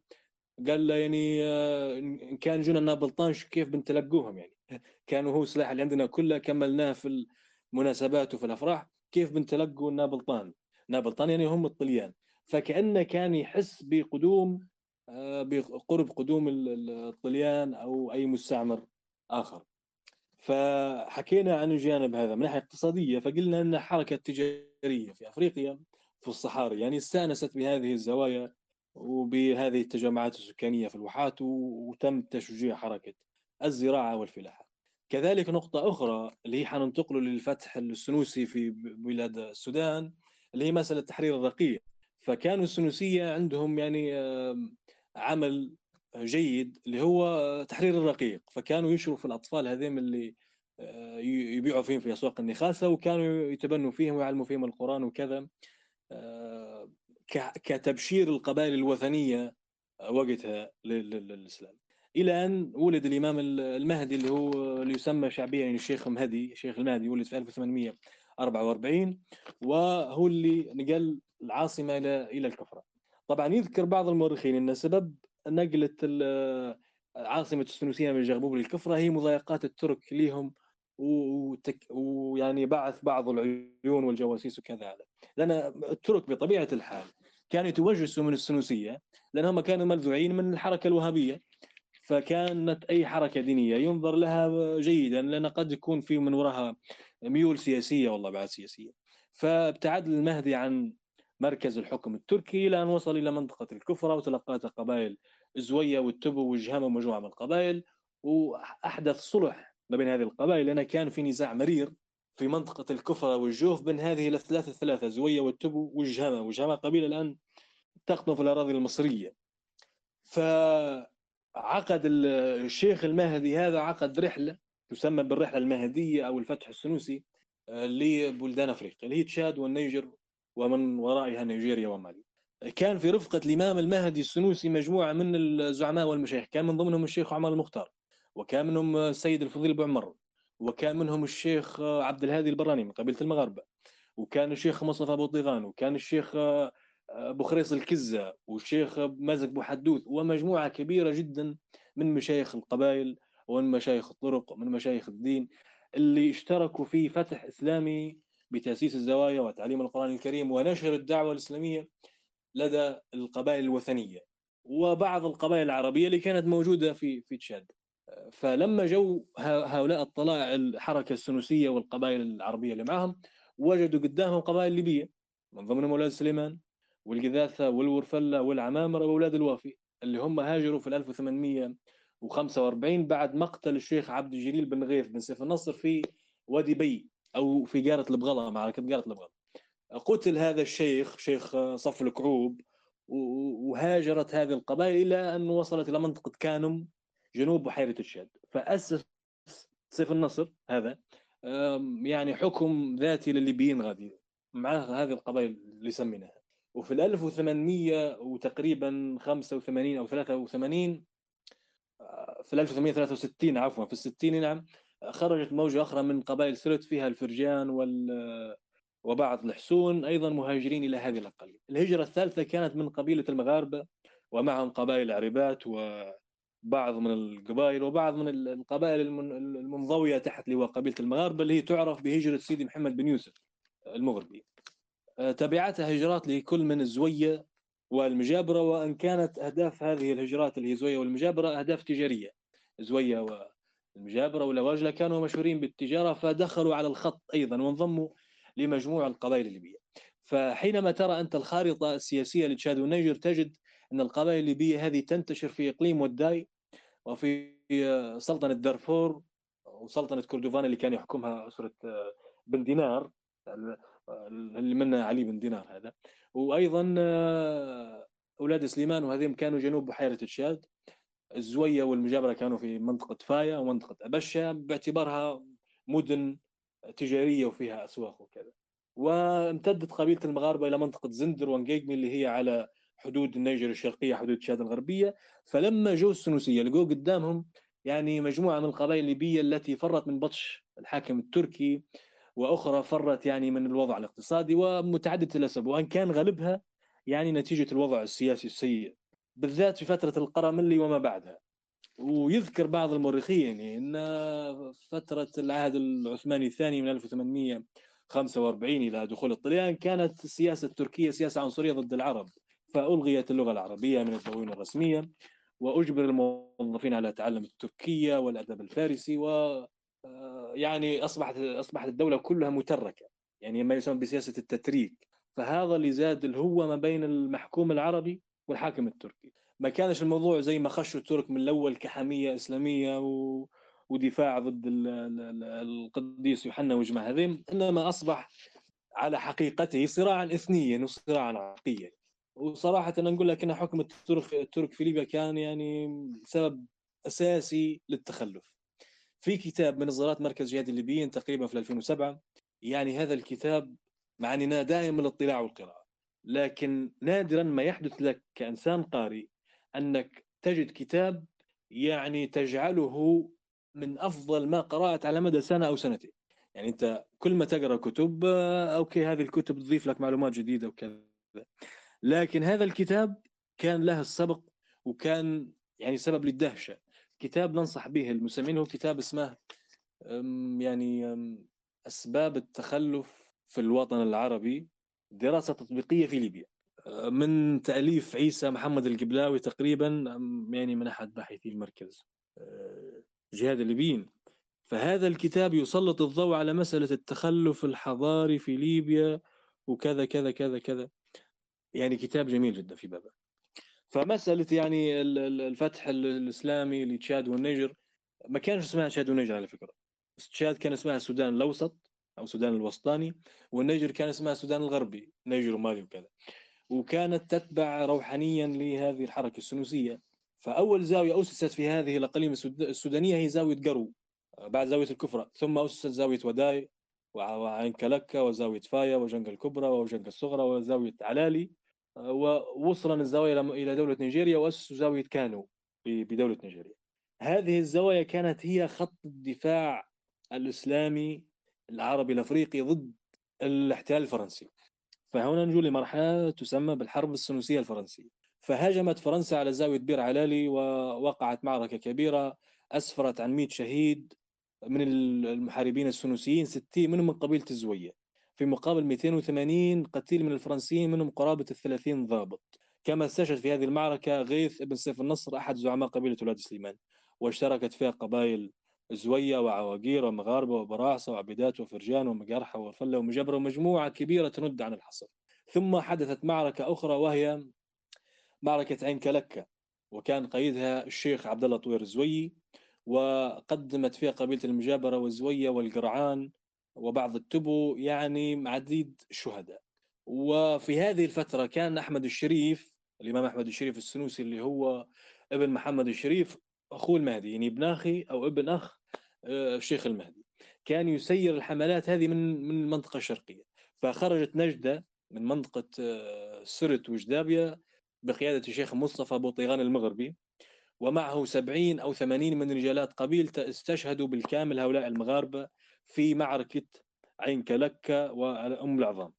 وفي معركة أم العظام كذلك استشهد الشيخ عبد الله طوير الزوي ومعه من قبائل التوارق والتبو والمحاميد والقرآن الكثير والكثير من المجاهدين.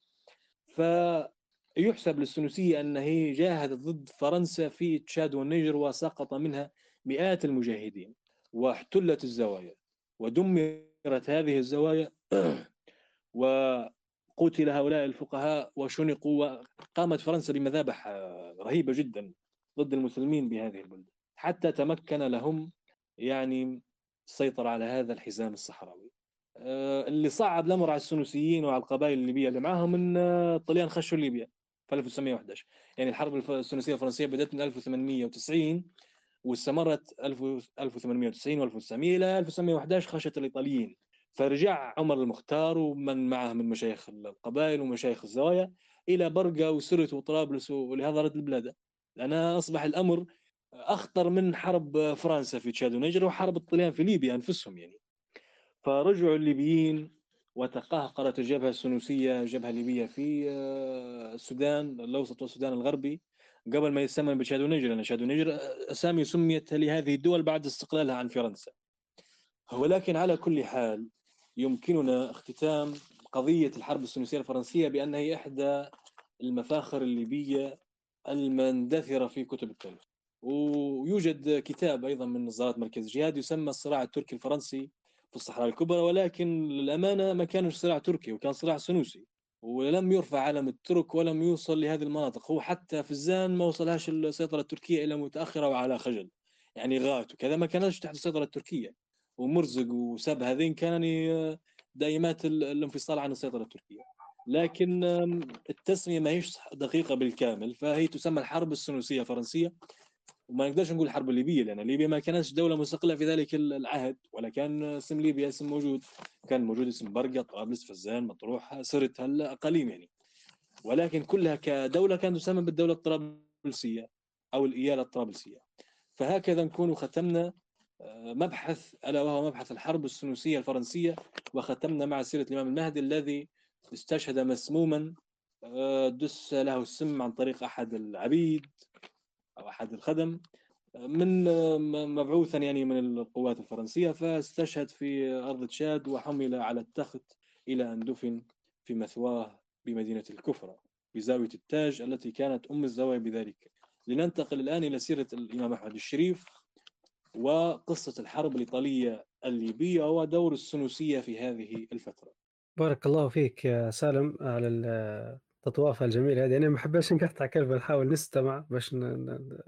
يعني نحاول نستغل الوقت. إحنا طبعا لنا توا قريب ساعة وثلث آه، في الجولة هذه اللي هي عبارة عن ملخص لسنوات آه، شيء عظيم جدا. والله بارك الله فيك. بس عندي آه، تعليق قبل ما ننتقل للمحور هذا كمحاولة للإثراء أو لتغطية اللي فات.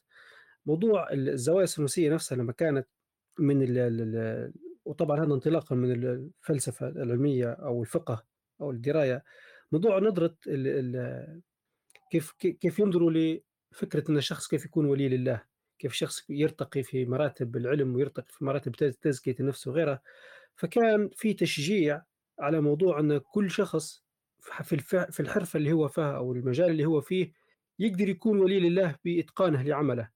ايا كان المزارع يكون مزارع ويدير شغله صح فهو كذلك يعني يعتبر يعبد الله عن طريق هذا التاجر الصانع وكل ذلك.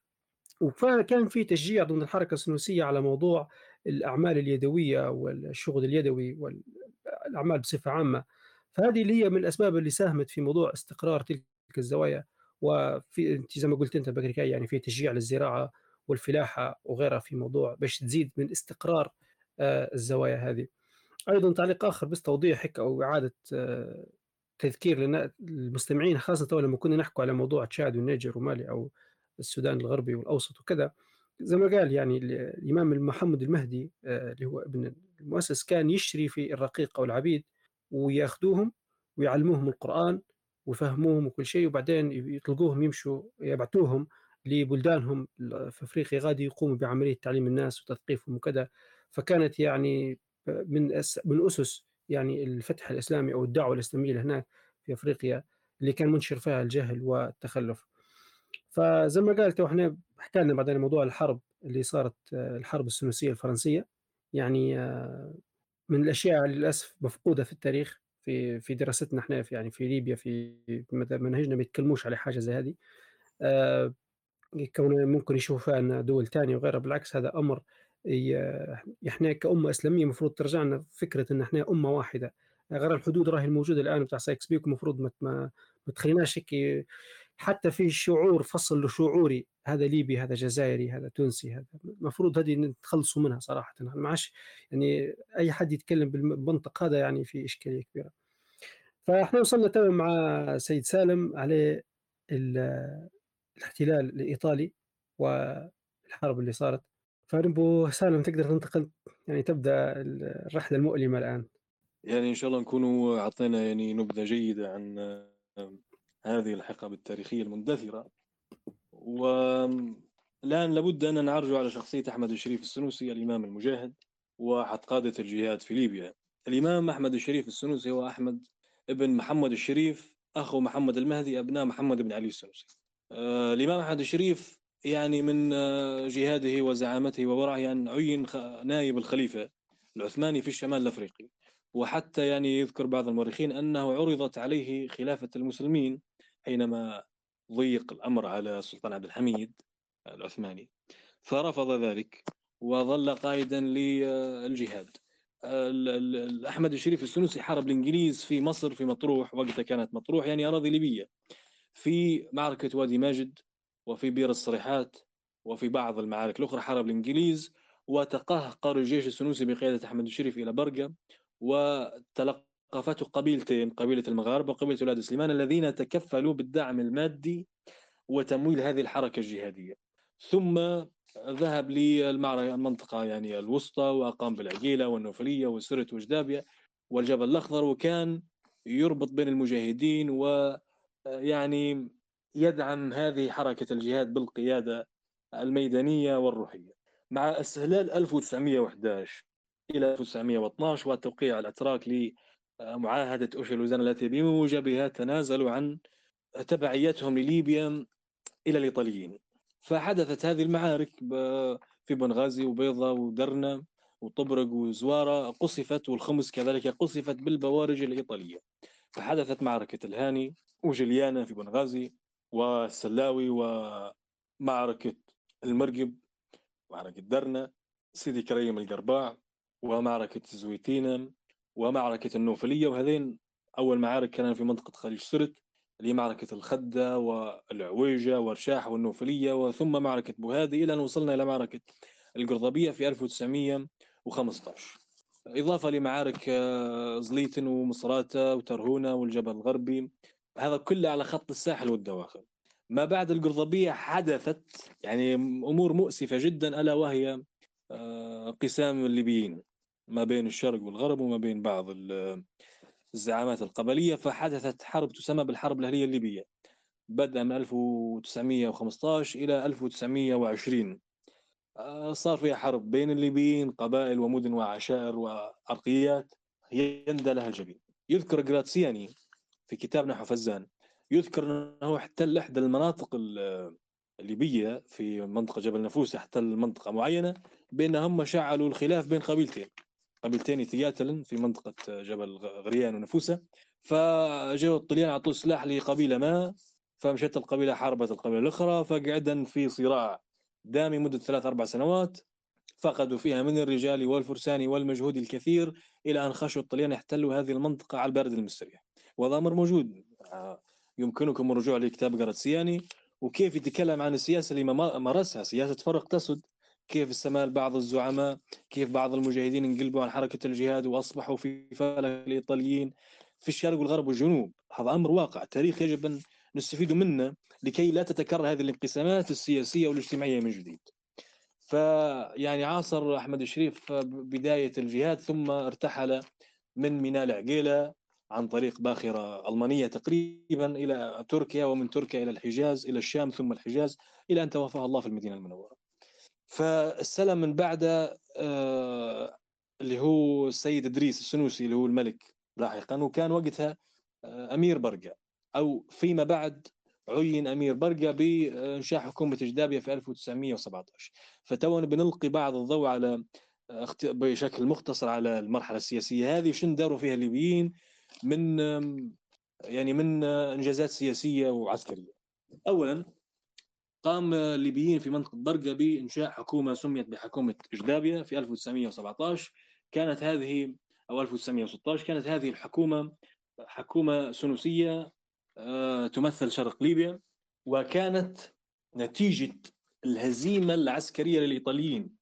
يعني الإيطاليين رضخوا لمطالب آه، الأهالي في المنطقة الشرقية وداروا بر برلمان سمي بمجلس نواب برقع أو البرلمان البرقاوي في 1920 ومارس جلساته إلى 1923 واقتسمت السلطة أن الطليان بس في حكم شريط الساحل اللي هو بنغازي والبيضة ودرنا شريط الساحل بينما تكون الدواخل اللي هي جدابيا والواحات وجال ووجل وسرت وبقية الإقليم تحت تحت حكومة إدريس اللي اعترفوا به الطليان والإنجليز كأمير ومن هنا جاء لقب الأمير يعني. بعد مفاوضات ومعاهدات وكذا فكان هذا أول نصر سياسي ودبلوماسي أن كونت حكومة جدابيا وكون برلمان يسمى ببرلمان برقة أو البرلمان البرقاوي. كان ممثلا للأهالي الليبيين وحتى الطليان المتوطنين وأيضا اليهود يعني بمعنى التمثيل النيابي المعاصر. الكلام هذا قبل استقلال دول كاملة في الوطن العربي قبل ما تستقل العراق والأردن والمغرب وموريتانيا والجزائر يعني إحنا عندنا برلمان في ليبيا قبل استقلال ست أو سبع دول عربية. كذلك في المنطقة الغربية اجتمع الزعماء والمشايخ والفقهاء بجامع المجابرة بمدينة مسلاتة وأعلنوا عن إنشاء الجمهورية الطرابلسية واستمرت هذه الجمهورية مدة قليلة ولكن سقطت نتيجة الصراع الداخلي. الصراع الداخلي هذا الذي أدى إلى حرب ما بين بعض الزعامات المنطقة الوسطى والمنطقة الغربية والمنطقة الشرقية كذلك. ولكن استيقظ الليبيين أو استيقظ الليبيون في 1920 على ضرورة الاتحاد. فعقد في مدينة غريان. مؤتمر يسمى بمؤتمر غريان.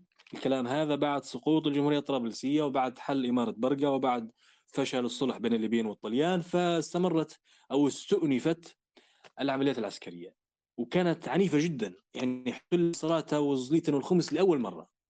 ونزح أهالي هذه المناطق. كما يذكر الشيخ محمد مفتاح قريو أحد علماء مدينة مصراتة يذكر في كتابه معارك الجهاد. يذكر أن يعني أهالي هذه المناطق الساحلية الثلاثة زليتن مصراتة والخمس نزحوا إلى الدواخل إلى ورفلة أو بن وليد وترهونة ويذكر أيضا أن في قبيلة هي قبيلة الطبولات تقريبا قبيلة الطبولات كانت يعني قبيلة تكفلت بضيافة الأهالي هذين كلهم على على مدة شهور يعني.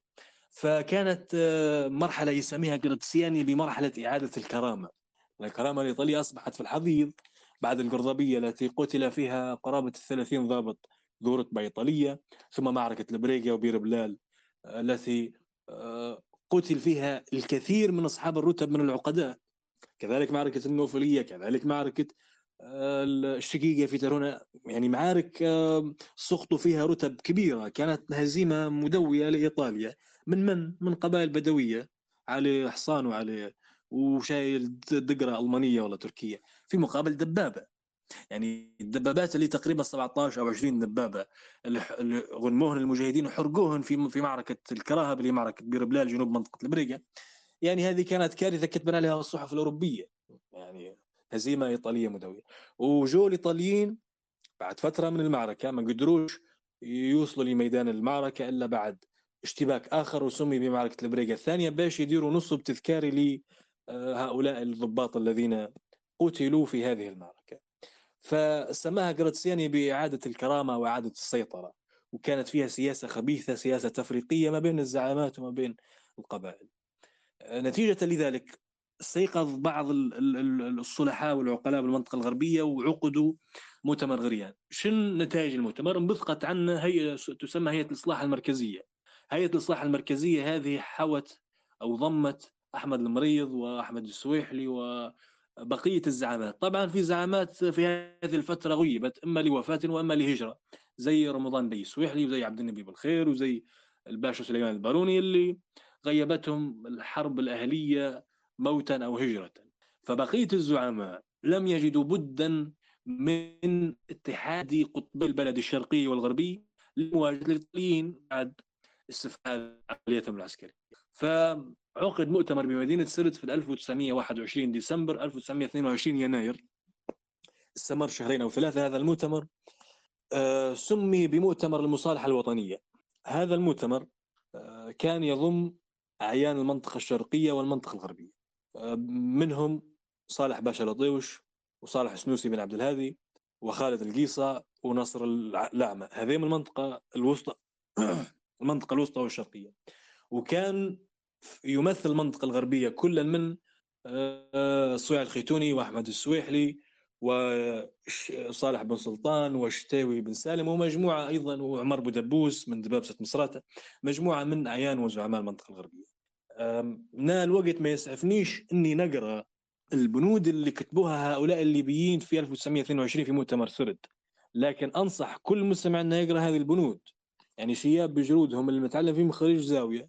باهي. هل شياب هذين اللي تغلب عليهم الأمية لكن كان عندهم وطنية الشياب هذين وضعوا كثير من البنود والمبادئ التي لو قرأتها لقلت أن اللي يصيغ هذه الكتابات خريج قانون دستوري أو إنسان يعني في ذلك الفترة. فكان مؤتمر سرت صراحة لموقعه الجغرافي ولأهميته التاريخية كان هو بداية الاتحاد في ليبيا. ثم حملت البيعة من المنطقة الغربية لإدريس السنوسي لكي يكون أميرا على طرابلس وبرقة معا وننتقل بعد لمرحلة تأسيس الجيش السنوسي من 1900 ونهاية ال 45 وما شابه ثم الحرب العالمية الثانية وتحرير ليبيا من من الإيطاليين. إلى أن تحررت المنطقة الشرقية في 1947 تقريبا في 47 اللي وقعوا فيها الإيطاليين التنازل الكامل. وأصبحت تحت الانتداب الإنجليزي ثم استقلت برقة كدولة عربية ثامنة واتحدت ثم مع اتحدت لاحقا مع اقليم طرابلس الغرب وبعد مدة التحق بهم اقليم فزان وكونوا المملكة الليبية المتحدة اللي عانوا الليبيين مخاض الاستقلال من 48 آه، إلى 52 وزعامات كثيرة صراحة منهم السعداوي ومنهم الباروني في بداية آه، النضال. والليبيين لما سقطت المقاومة بإعدام عمر المختار وباعدام يوسف بن رحيل المسماري وسيدي فضيل بوعمر وغيرهم من القيادات هاجرت بقية الزعامات. فاجتمعوا في الإسكندرية في مصر في المهجر المصري وآخرين اجتمعوا في دمشق وآخرين في تونس لمباحثة المسألة الليبية. فبدأت مرحلة جديدة اللي هي مرحلة العمل السياسي أو الجهاد السياسي واللي توجت لاحقا باستقلال ليبيا. ختاما لقصة المخاض السياسي في بعض يعني القصائد التي كتبها شعراء المشرق من بلاد الشام والعراق ومصر وبعثوا بها إلى الليبيين تشجيعا لهم في حربهم ضد ضد ضد الإيطاليين. فحينما تطلع أنت على هذه النصوص الشعرية تجد أن فعلا الحركة السنوسية كانت تقوم بدور ألا وهو تدويل القضية الليبية أو الحرب الليبية عن طريق أحمد الشريف الإمام أحمد الشريف عن طريق الزوايا السنوسية في الدول الأخرى اللي كانت ترسل في الزكوات وترسل في الدعم المالي لليبيين أو للسنوسية اللي كانوا في ليبيا. ف نجيب مقطوعة لأحد علماء السنوسية ألا وهو العالم عبد الله بن إدريس من اصل أصلا من الشرفه من مدينة زليتن عبد الله بن إدريس كان إمام الزاوية السنوسية بمنطقة سيرة النوفلية. فعنده من الأشعار العربية التي توثق مرحلة الجهاد بالمعارك وهذا شيء لا تجده لا في الإعلام ولا في كتب النهج. فقصيدته هذه اللي هي قبل معركة القرضبيه يقول فيها آه، ذاك الذي نصر الشريعة أحمد يحكي عن أحمد الشريف نجل الرسول وصفوة الأبطال. لا زال في الإسلام حصنا مانعا بحمى الديار من العدو الجالي. لما رآه مصمما ومحاربا والصلح لا يبغيه بالأموال. قال الفرار يعني الإيطالي وليس لي من حيلة وتبل وتبدلت أحواله في الحال. من ساحة الفزان ولا راجعا في خزية ومذلة ووبال. من مرزق ولا وسوكنة التي هي موضع الأرزاق والأموال. نكب العدو وقال ما لي حيلة أخذت جميع أخذت جميع مدافعي وبغالي. ما كنت أحسب أن برقة هكذا فيها رجال الحرب أي رجال. إن المغاربة الذين هم بها جاءوا بيوم في ربيع تالي. يقصد معركة البريغا وكذا الذين بخشة ورفاقهم نالوا الثناء بهمة وقتال. نالوا الفخار بجمعهم في خدة للقى العدو الماكر المحتال أما العواقير الكرام ببرقة قد خلدوا الآثار للأجيال وكذا البراعصة الذين هم هم قد أيدوا الأقوال بالأفعال. أبنى عبيد في الجهاد كأنهم أسد أتت لحماية الأشبال. هذا أحد علماء السنوسية يتغنى بقبائل المنطقة الشرقية في معاركها التي كان هو قائدا ميدانيا فيها. يعني هذا الشاعر أحمد بن إدريس الإمام هذا كان من قادة معركة القرطبية.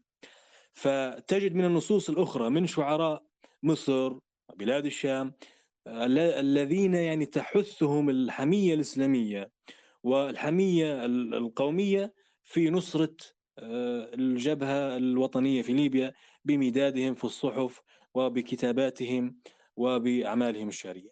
فنأخذ نص آخر.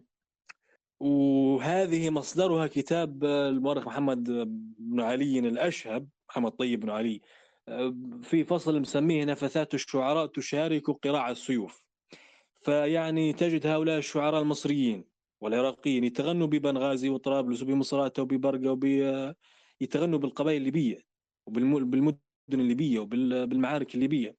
فمثلا هذا أحد شعراء مصر يقول حي الإله ببرقة الأبطال خذلوا العدو وأوسعوه نكالا. أسد إذا دعت الوغى أبناءها نفروا خفافا للوغى وثقالا. لم تقتصد روما بخطتها ولم تترك لعقد الصلح ثم مجالا وطغت وعاثت في البلاد بظلمها ولكل حال أوجدت أشكالا. يقول عرب إذا دفعوا الجياد لغارة هزموا العباب وخضخضوا الأوشال. هذه طرابلس وفعل سيوفها ضرب العدا لا تعرف الأقوال. أبني طرابلس حفظتم ملككم يوم النزال وص... يوم النزال وصغتم الأعمال. بيضتم وجه الحماء وملأتم عين العباد مهابة وجلالا. وإذا أراد الله بين عباده إصلاح حال غير الأحوال لا هايو هنا يخاطب يعني قوانين الدولية اللي كانوا ينتقضوا فيها الإيطاليين. يقول لا هايو من أين الوفاء وهذه نار الحروب تشيب الأطفال؟ ما بال رومة تنقض العهد الذي أبربتم وتجدد الأهوال. ما ذنب برقة تغتزى وثغورها ألقى عليها الظالمون خبالا. يقول إلى أن يقول إيطاليا عشقت فأن حلها الهوى والعشق يجعل من يحب خيالا. عشقت طرابلسا وكم من عاشق يقضي عليه ولا ينال وصالا. وكذلك الشاعر حافظ إبراهيم الملقب بشاعر النيل يعني يتغنى بالبلاد الليبية وبمعاركها.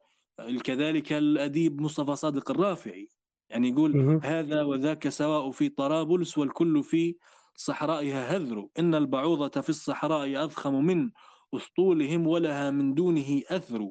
يا ويلها حومة كانت وطيسة وغن فصيروها سباقا حينما انكسروا.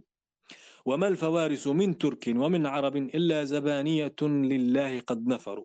ويستمر في قصيدته ويوصف الجنود الإيطاليين وحتى المجاهدين في 1911 كان عندهم نشيد نشيد باللغة العربية. كانوا يقولوا في هذا النشيد يقول يا دولة الطليان بل يا عصبة الأعداء هل أبقى القضاء لما نزل بالله كم نجم أفل ألبس روم الحداد. يا فتية الطليان قد ما للف ما للقنا فيكم وقد إنا إذا الحرب اتقد نمشي ولا نخشى عدد لا لا ولا نأبى الجهاد. من حربنا يا ويلكم أفعالنا أفعالكم ولت هباء أموالكم هل غركم أسطولكم أم ضركم أمر الجياد. أسد الثرى لا تنكر تحيا ويحيا أنور سيف السنوسي القسور ماض ففروا وانفروا دون البقاء خرط القتد. نحن كمات الغابلة نلهو بأكواب الطلا قوم لنا قدر على نصر من الله على جيش تولى بالفساد. وبعض شعراء المغرب كذلك الشاعر أحمد محرم كذلك يعني عند الشعر في هذه الحرب الليبية السنوسية الأديب حسن القياتي يعني يقول يعز على الأسلام أشلاء جمة رماها ببلواه الزمان فلم يعد. أحل بقلبي لوعة كل سيد ببرقة لا ينفك يقتله وغد. بلاد تشكت طول حرب فجاءها من النبل وبل في مواطنه الرعد. ببرقة وهد لا تعد تملأت بأشلاء قتلاهم فليس بها وهد. كذلك الأديب أحمد صبري يعني يقول جزى الله عنا أنور يقصد أنور يعني من الضباط الأتراك جزى الله عنا أنورا أن أنور معين السنوسي الذي كافح الردى هما غارب للمكرمات وكاهل النسيبان طال هامة المجد سؤددا. ويستمر المؤرخ محمد طيب لشهب في عرض آه، أقوال هؤلاء الشعراء من ضمن الأديب محمود عماد اللي يقول آه، لعل لصوص الروم لم يبلغوا مني سوى أنهم ساروا من الدار للحد. شجاهم بريق في طرابلس فارتموا وكان بريق الموت يقدح في الزند. أتوهم على متن السفين ترجهم يد الموج والآمال في الجزر والمد. وكذلك الشاعر حمزة الفقيه الجهيني في قصيدة طويلة يقول في مطلعها يا أرض برقة عن رجالك خبري ماذا جرى للظالم المتجبر أخذوا بنارك أمرضوا بمذلة عار على السنو عار على الشيخ السنوسي وأنوري. قالوا سلوا زرق الأسنة يعني هو يقول هنا يسأل في برقة في طرابلس هل السنوسي وأنور رضوا بغزي الإيطاليين؟ هل عار عليهم إذا ارتضوا بذلك؟ فتجيبه أسنة الرماح وسيوف المجاهدين. قالوا قالت قالت البلاد قالت سلوا زرق الأسنة والضبا بين المهند والقضيب السمهري أسد إذا حمي الوطيس رأيتهم ما بين مرتجز وبين مكبر فكأنما الأعداء أوغال الفلا صكت مسامعها بزأرة قسور. يعني نصوص في غاية البلاغة وفي غاية الجمال جدا. يعني وهذا شاعر آخر يقول ولي نفس إذا ما رم ولي نفس إذا ما رمت أمرا تحمل جسمها يا قوم مالا. فقالوا ما وهبت فقلت روحي وقالوا ما بذلت فقلت مالا ولي قلب ببرقة مشتهاه يميل مع السنوس حيث مال ولي الله مقدام تقي إذا ما جئته. رمت الجلال. ويعني كثير من القصائد صراحة التي يرتفع بها أنف الليبيين ويفتخرون بهذه القصائد من أدباء المشرق في لبنان وسوريا ومصر والعراق والمغرب ممن يتغنون بالحركة السنوسية وبمعارك برقة ومعارك طرابلس والمجاهدين فيها. ولكننا للأسف أمة لا تعي تاريخها. وإذا كانت الأمة لا تعي تاريخها فهي عن تدبير ماضي فهي عن تدبير حاضرها أعجز. يعني هذه النصوص حري بها أن تدرس في المناهج حري بها أن تعرف الإذاعات المسموعة والمرئية أن تطبع أن تنقح أن يبحث عن آه، بقيتها لأن هذا المؤرخ محمد الطيب الأشهب يعني جاب مقطوعات منها لكن يعني حري بالباحثين أن يجيبوا هذه القصائد كاملة من دواوين أصحابها أو من منشوراتها في المجلات. فيعني ختاما ختاما ختاما أن ما نجهله من تاريخنا أضعاف مضاعفة مما ندركه. وما ألقيته عليكم الآن إلا خلاصة بحث من عشرات الكتب ولا زال غيرها الكثير والكثير من مئات الكتب فمن هذا المنبر أحث وأحض إخواني من الشباب والشابات الطموحين والدارسين والمتعلمين أن يشمروا ذراع الجد والبحث لتنقيب هذه المحطات التاريخية. يعني السنوسية ما هي إلا محطة نستلهم منها إحداث إصلاح جديد في مجتمعنا الليبي بهذه الظروف السياسية والاقتصادية والتقنية وهذه التغييرات العصرية التي تحيط بنا من كل جانب. حري بنا بأن نستمد من روحانية المدرسة السنوسية. أهمية جهاد الكلمة وجهاد السيف وجهاد الزراعة والصناعة والعلم والتعليم مثل جهاد السلاح ضد العدو.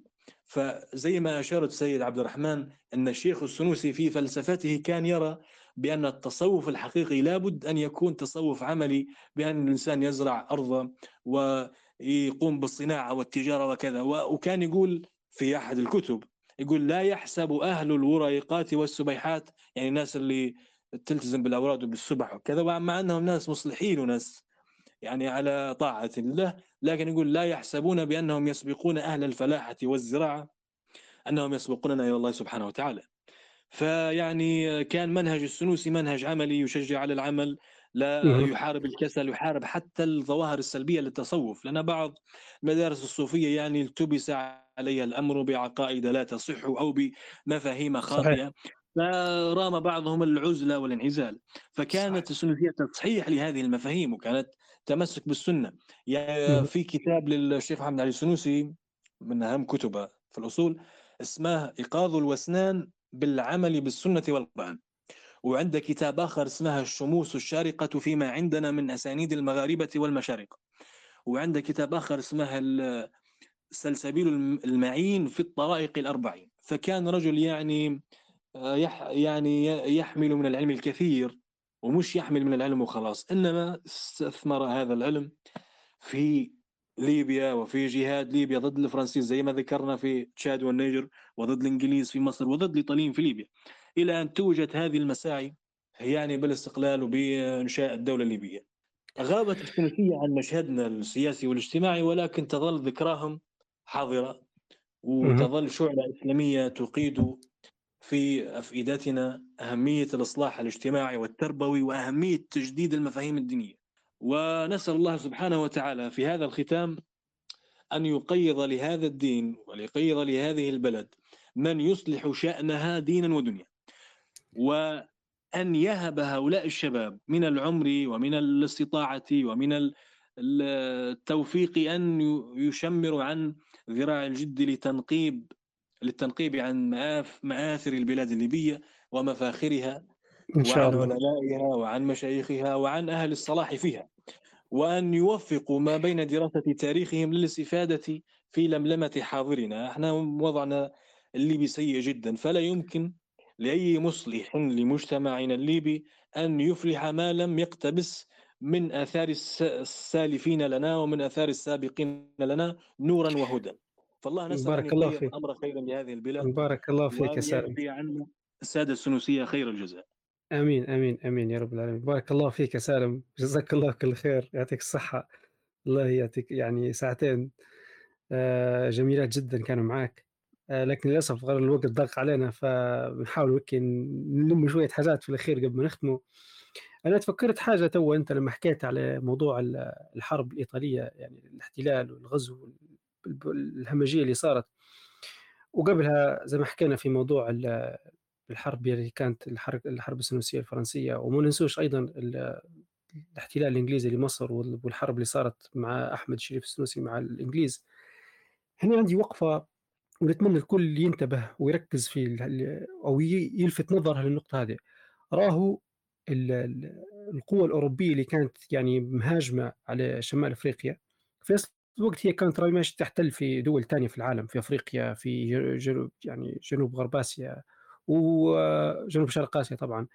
والدول هذه بالكامل يعني كانت إمبراطوريات عظمى زي بريطانيا زي فرنسا زي آه، آه، يعني حتى إيطاليا نفسها يعني شوف يعني استخدموا الطائرات تقريبا أو المناطيد في في الضرب وغيرها دبابات آليات.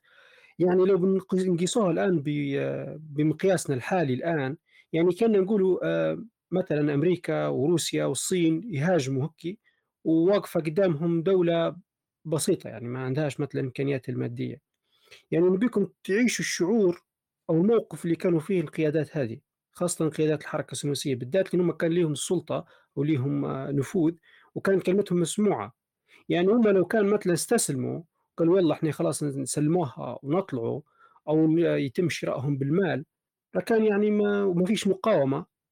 يعني تخيلوا شو ممكن يصير فينا. إحنا نشوفوا اللي صار في آه طبعا من غير مقارنة من غير شيء لكن إحنا مش ندرسوا الآثار. إحنا التاريخ مش قلنا إحنا من باب الاعتبار اللي صار مثلا في دول يعني مثلا زي المغرب والجزائر وتونس عملية الفرنكفونية إحنا ما تأثرناش من من الجانب هذا. يعني إحنا الحمد لله تو قاعدين ما عندناش هذيك مثلا إحنا نقول الغزو الفكري أو ضياع الدين وضياع اللغة بشكل آه يعني وخاصة عدد سكان بسيط. فنحكوا إن راهو الجهاد والمقاومة اللي صارت كانت لها آثار. إي صح مثلا لما نسمع مثلا في تاريخ الجهاد إنهم خشوا في معركة بعدين في الأخير مثلا هزموا فيها أو تم القضاء عليهم أو كذا. لكن أنتم شوفوا أثر المقاومة هذا شو نسبب بعدين؟ أنت على الأقل تبطئ الموجة اللي جاية. هذا ليه أثر كبير. فالشجاعة اللي كانت عندهم والإيمان بالله وموضوع حب الشهادة في سبيل الله هذه كانت من الأشياء اللي كانت مغروسة.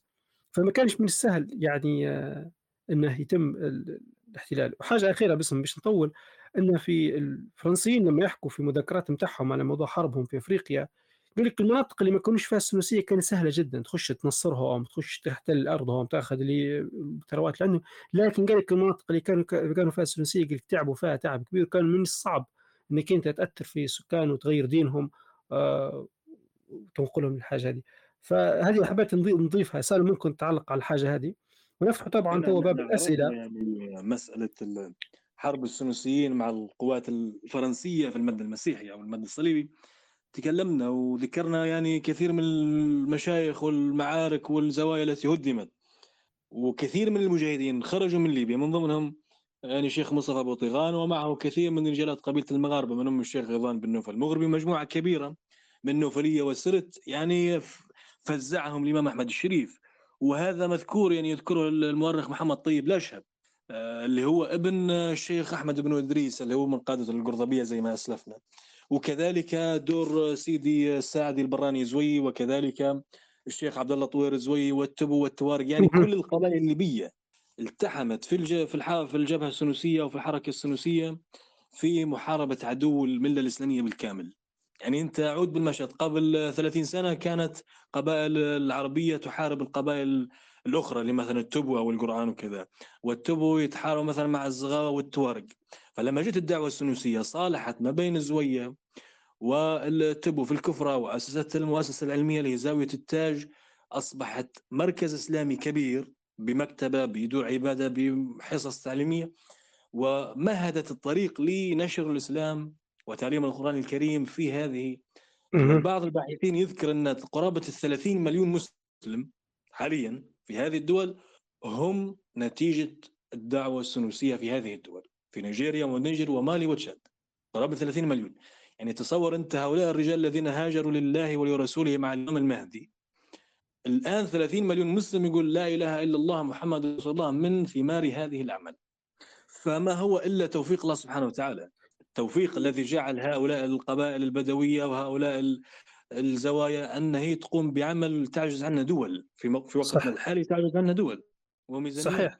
صحيح صحيح. سلام من غير الإضافة اللي بنضيفها صح هذا الكلام حكيناه وكل شيء لكن يعني للمستمع أو الليبي الآن اللي ممكن في خاطر هيك نتمناه يوصل له إن إحنا الآن قاعدين مسلمين نقولوا لا إله إلا الله محمد رسول الله إحنا كليبيين في ذاتنا وقاعدين لغتنا العربية سليمة هذه الحمد لله فضل من الله اولا وفضل الثاني أنا نشوف له كمستمع الآن وبعد ما سمعت القصة كلها ان الحركه السنوسية. والامارات كان لي فضل كبير في الموضوع هذا. الطليان لما كانوا جايين لليبيا راهو كانوا يشوفوا روحهم جايين نزهة جايين تاع راهو بنتموها فيسع فيسع عادي ليبيا نحتلوها وتبدأ الشاطئ الرابع علينا وتمت. راهو اللي اللي صار يعني لما تشوفوه بتقيسوه بالمقاييس المادية كان معجزة. راهو كان مش سهل. ناس كانت بإمكانيات بسيطة لكن إيمان عظيم واجهت قوة بالشكل هذا. وطبعا قدر الله يعني كتب الله الشيء هذا لحكمة عند ربي إن هذه الأحداث صارت بالشكل هذا وإن مثلا انهزموا بعدين وكذا واحد هذا لحكمة من عند الله عز وجل آه كله فيه خير. لكن إنك أنت توقف موقف بطولي زي هذا وتدافع عن الدين وتدافع عن العقيدة ودير استراتيجية. الإمام محمد علي السنوسي من زمان قبل ما يجوا الطليان كان يعلم فيهم ويجهز فيهم آه لمواجهة احتلال الايطالي قبل ما يصير. ما قالوا يعني درس يجي يقول لهم شوفوا تشوفوا في الجربوع هذا يكلم فيهم يقولوا ما مش يخش الحفرة هنا ويطلع من غادي فيقول لهم أنتم كذلك تستخدموا نفس الاستراتيجية لما تخشوا يمكن ديروا مدخل وديروا مخرج بحيث إنكم كنتوا تتعاملوا مع. نفس الأفكار الموجوده في الطبيعة باش أنتم تقاوموا الإيطاليين وغيرها. أنا ما بيش نطول هلبا آه فتحنا نفتحوا باب المشاركات ناخذوها ربع ساعة هيك على الأقل على حسب المشاركات ونختموا بعدها إن شاء الله. فتو عندنا مداخلة مع آمنة الكلمة معك. آمنة الكلمة معك. بارك الله فيكم على الحوارية الرائعة اللي أضاءت هلبا حاجات كانت مخفية علينا بس نفس على موضوعنا كيف سبحان الله ربي ينصرهم. مع نقص إمكانياتهم هذا يردنا للتأملية في سورة في آه، سورة الكهف. آه، أسفة سورة الكافرون. آه، سبحان الله في سورة الكافرون جو المشركين وحاولوا إن هم يساوموا مع الرسول على دينه. ساوموه بالماديات ساوموه بال بال بال, بال يعني السمعة زي ما نقولوا قالوا نحطوك ملك معانا نديروه الرسول مع قلة إمكانياته ومع ضعفه ومع أن كل المناصرين اللي كانوا من الضعفاء ما ساومش أبدا ما ساومش ولا ولا حتى بنص نص الاتفاقية زي ما يديروا توا. يساوموا بنص اتفاقية يقول لك نطبقوا نص البنود ونص لا نلوحوهم بس خاطر ماديات وهيك هذا بصورة الكاف يعني سورة الكافرون كانوا يطبقوا فيها حلبة. فسبحان الله هذا علاش هم ربي كان ناصرهم؟ لأن ما كانوش يساوموا ما كانوش همهم ماديات ولا يعطونا سلام ولا يعطونا واحد لا لا موت ولا تقعد بلادنا آه على نص دين ولا على نص حاجة خاطر باش نحصلوا نص إمكانيات. آه وهذا هو. بارك الله فيكم على الحوارية الرائعة آه، بارك الله فيك يا آمنة. فعلا يعني الإضاءة جميلة جدا. موضوع أن القيم والمبادئ والدين أهم من الإغراءات المادية دي في خير دنيا زايلة آه سالم شو تعليقك بال... على مشاركة آمنة ولو عندك رد بالخصوص أو إضافة. يعني لا أظن هنالك مزيد على كلام الأخت الفاضلة. طبعا ذكركم إحنا أي حد عنده رغبة في المشاركة سؤال إضافة استغلوا ممكن هالدقائق الموجودة الآن. استغلوا سالم ما تضيعوش قدامكم اسألوه فالبراح مفتوح لكم. إلى أن جهزوا أسئلتكم هيك وأفكاركم بالخصوص هنحاول نكمل الحديث مع سالم آه، بالخصوص. وحاجة تفكرتها اللي هي تكلم عليها آه، دكتور علي الصلابي في كتابه اللي هو دور الصحافة الإسلامية في ذاك الوقت. فخلينا ناخذ تو مشاركة أسماء بعدين ممكن كان أحسن وقت نتكلم عليها على عجالة. أسماء الكلمة معك. مساء الخير عليكم جميعا. آه، تحياتنا الأستاذ سالم وكذلك الأستاذ عبد الرحمن على هذه الحوارية. آه بأمانة هو الموضوع بحكم ما فيش هذيك الخلفية الكبيرة عليه. ومؤسف يعني الحق ولكن حابة نسأل الأستاذ سالم زي الكتاب اللي ذكرته أسباب التخلف الوطني العربي يا ريت لو تفيدنا بمراجع أو بكتب يعني تتكلم عن الحركة السنوسية بشكل أكبر. تابعت آه، الدكتور علي الصلابي بخصوص الموضوع فحابين يعني إيه يعني متعطشين الموضوع حابين يعني تكون المعلومات أكتر. فلو فيها كيف ممكن تكتبها لنا في في الجروب أو تبعتنا الروابط أو حتى الأسامي زي ما زي اسم الكتاب اللي ذكرته. ومشكورين على هذه المعلومات القيمة. آه بارك الله فيك يا أسماء على سؤالك. وأستاذ سالم كنت أول كلمة معك بخصوص مراجع أو كتب لها علاقة بالسنوسية شو ممكن تنصح المستمعين؟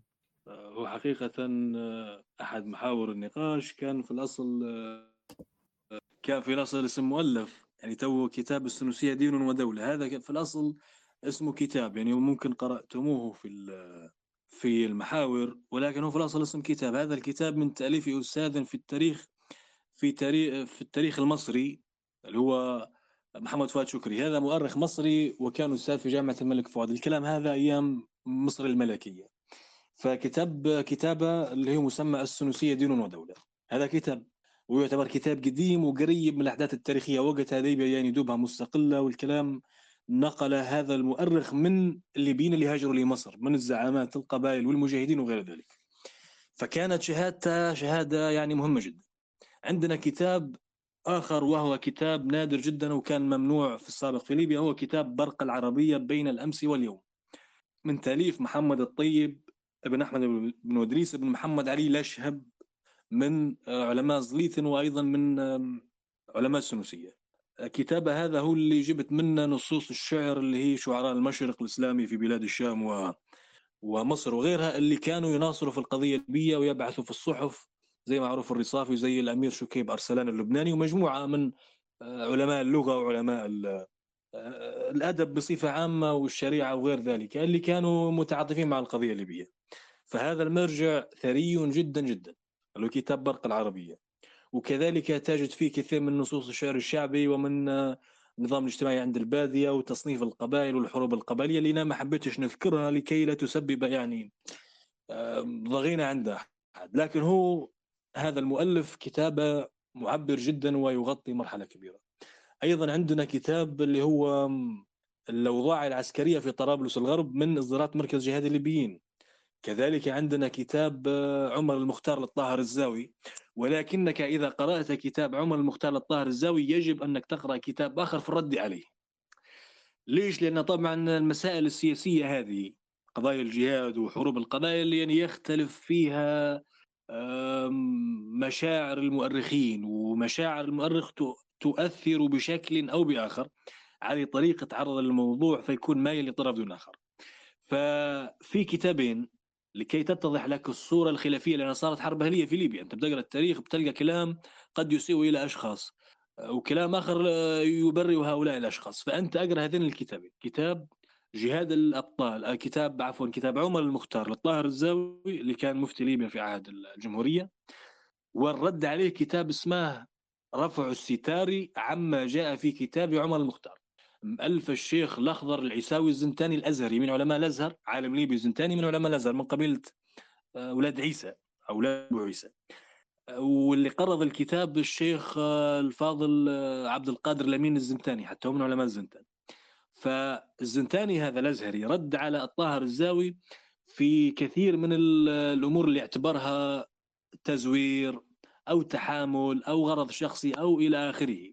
فأنت كي تقرأ كتاب زي هذا يحبذ أنك تقرأ الكتاب الذي يعرض الرأي الآخر. وأنت بما وهبك الله سبحانه وتعالى من ملكه ومن حجة سوف تقارن بين القولين بيش هذه نصيحة لنا كدارس لكي لا تقع في شنو؟ في يعني قراءة مضللة للتاريخ أو قراءة مزيفة أو قراءة متحيزة. أوكي. في كتاب آخر الطاهر الزاوي هو كتاب جهاد الأبطال في طرابلس الغرب أيضا كتاب جميل جدا. عندك كتاب الثمار الزكية للحركة السنية للصلابي. وإن كان الصلابي يعني مشكور جدا في الجانب التاريخي ولكن قد تكون بعض السياقات هي كذلك لا تسلم من النقد. نعم. كذلك عندنا كتاب الصراع التركي الفرنسي في الصحراء الكبرى هذا أيضا من مركز جهاد الليبيين. وعندنا من الكتب الكثيرة اللي ممكن تقوي يعني هذه الخلفية والمرجعية منها رحلة الحشائش. اللي ذكر فيها السنوسية وكلام أيام الترك يعني. اللي هو الرحال الحشائشي التونسي إذا أنت كتبت في الجوجل رحلة الحشائشي بتنزل تقدر تنزل PDF الكتاب هذا وتقراه كيف جول في البلدان الليبية وحكى يعني عن كل مناحي الحياة عن التجارة وعن القبائل وعن الأمازيغ والعرب والتوارق وعن المرأة وعن الشاهي كل شيء حكى عليه. فحتكون صورة يعني متكاملة أو شبه متكاملة عن وضع المجتمع في ذلك الفترة. كذلك رحلة التيجاني. يعني هذه بتعطيك نبذة عن تاريخ ليبيا قبل السنوسية. ومجموعة كثيرة جدا يعني بعضها يحضرني والبعض ما يحضرنيش. لكن بمشيئه الله حنكتبها في آه، رسالة وحنبعثها في هذه الدردشة. ولكن زي ما قلت لحضرتك إن هذين هي أمهات الكتب اللي هو كتاب برقه العربية وكتاب السنوسية دين ودوله وكتب محمد فؤاد شكري بصفة عامة يعني. بارك الله فيك يا سالم جزاك الله كل خير. وزي ما قال يعني في النهاية هنحاول ننزلوا آه، قائمة بالكتب والمراجع والأشياء آه، اللي تفيدكم. لكن كان مبدئيا وجهة نظري أنا ممكن آه، نحاول نجاوب على السؤال هذا. أنا عن نفسي ممكن ك... أو كأي شخص مبتدئ يعني هيك بيعرف لمسة عامة يقدر يتابع الفيديوهات بتاع الدكتور صلابي في الحركة السنوسية ثلاثة أجزاء فيديوهات مبدئية تعطيك نظرة عامة بعدين التفاصيل زي ما قال سالم بيقدر واحد الباحث يشوفها في مكان آخر. وطبعا هو عنده كتاب تاريخ الحركة السنوسية في أفريقيا.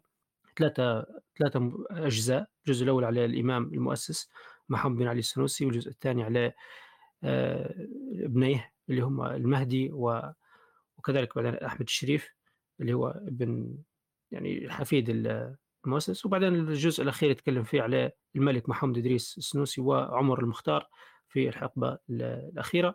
فكتاب جميل جدا حتوه حنرفقوه في النهاية.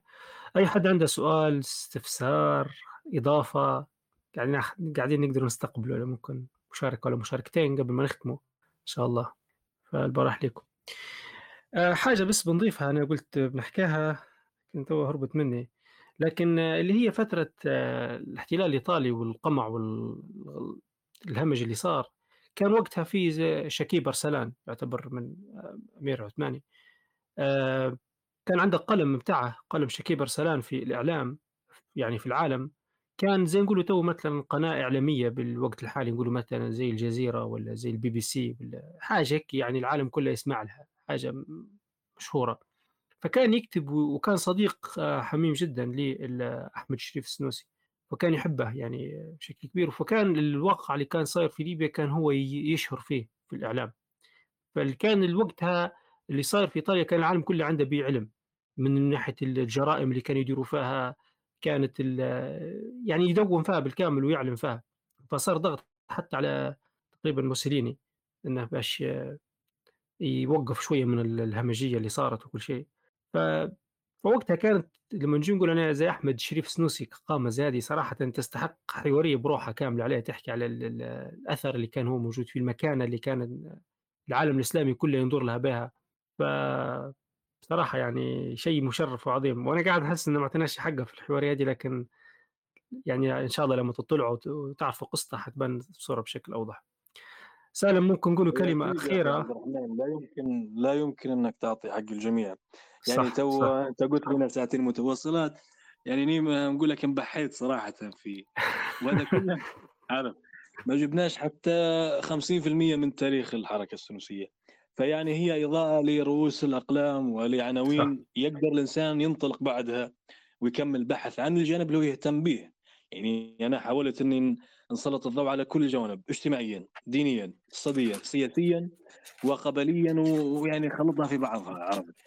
لكن يمكن للانسان إذا اهتم بجانب معين أن مثلا إذا كان إنسان مختص يحضر فيه ليسانس ولا ماجستير ولا غير ذلك يقدر يمشي بهذه الخلفية المبدئية ويأخذ الكتب وكل كتاب بيشيل لك الكتاب آخر لأن أنت عارف الكتاب في مؤخرة الكتاب فيه المراجع والمصادر.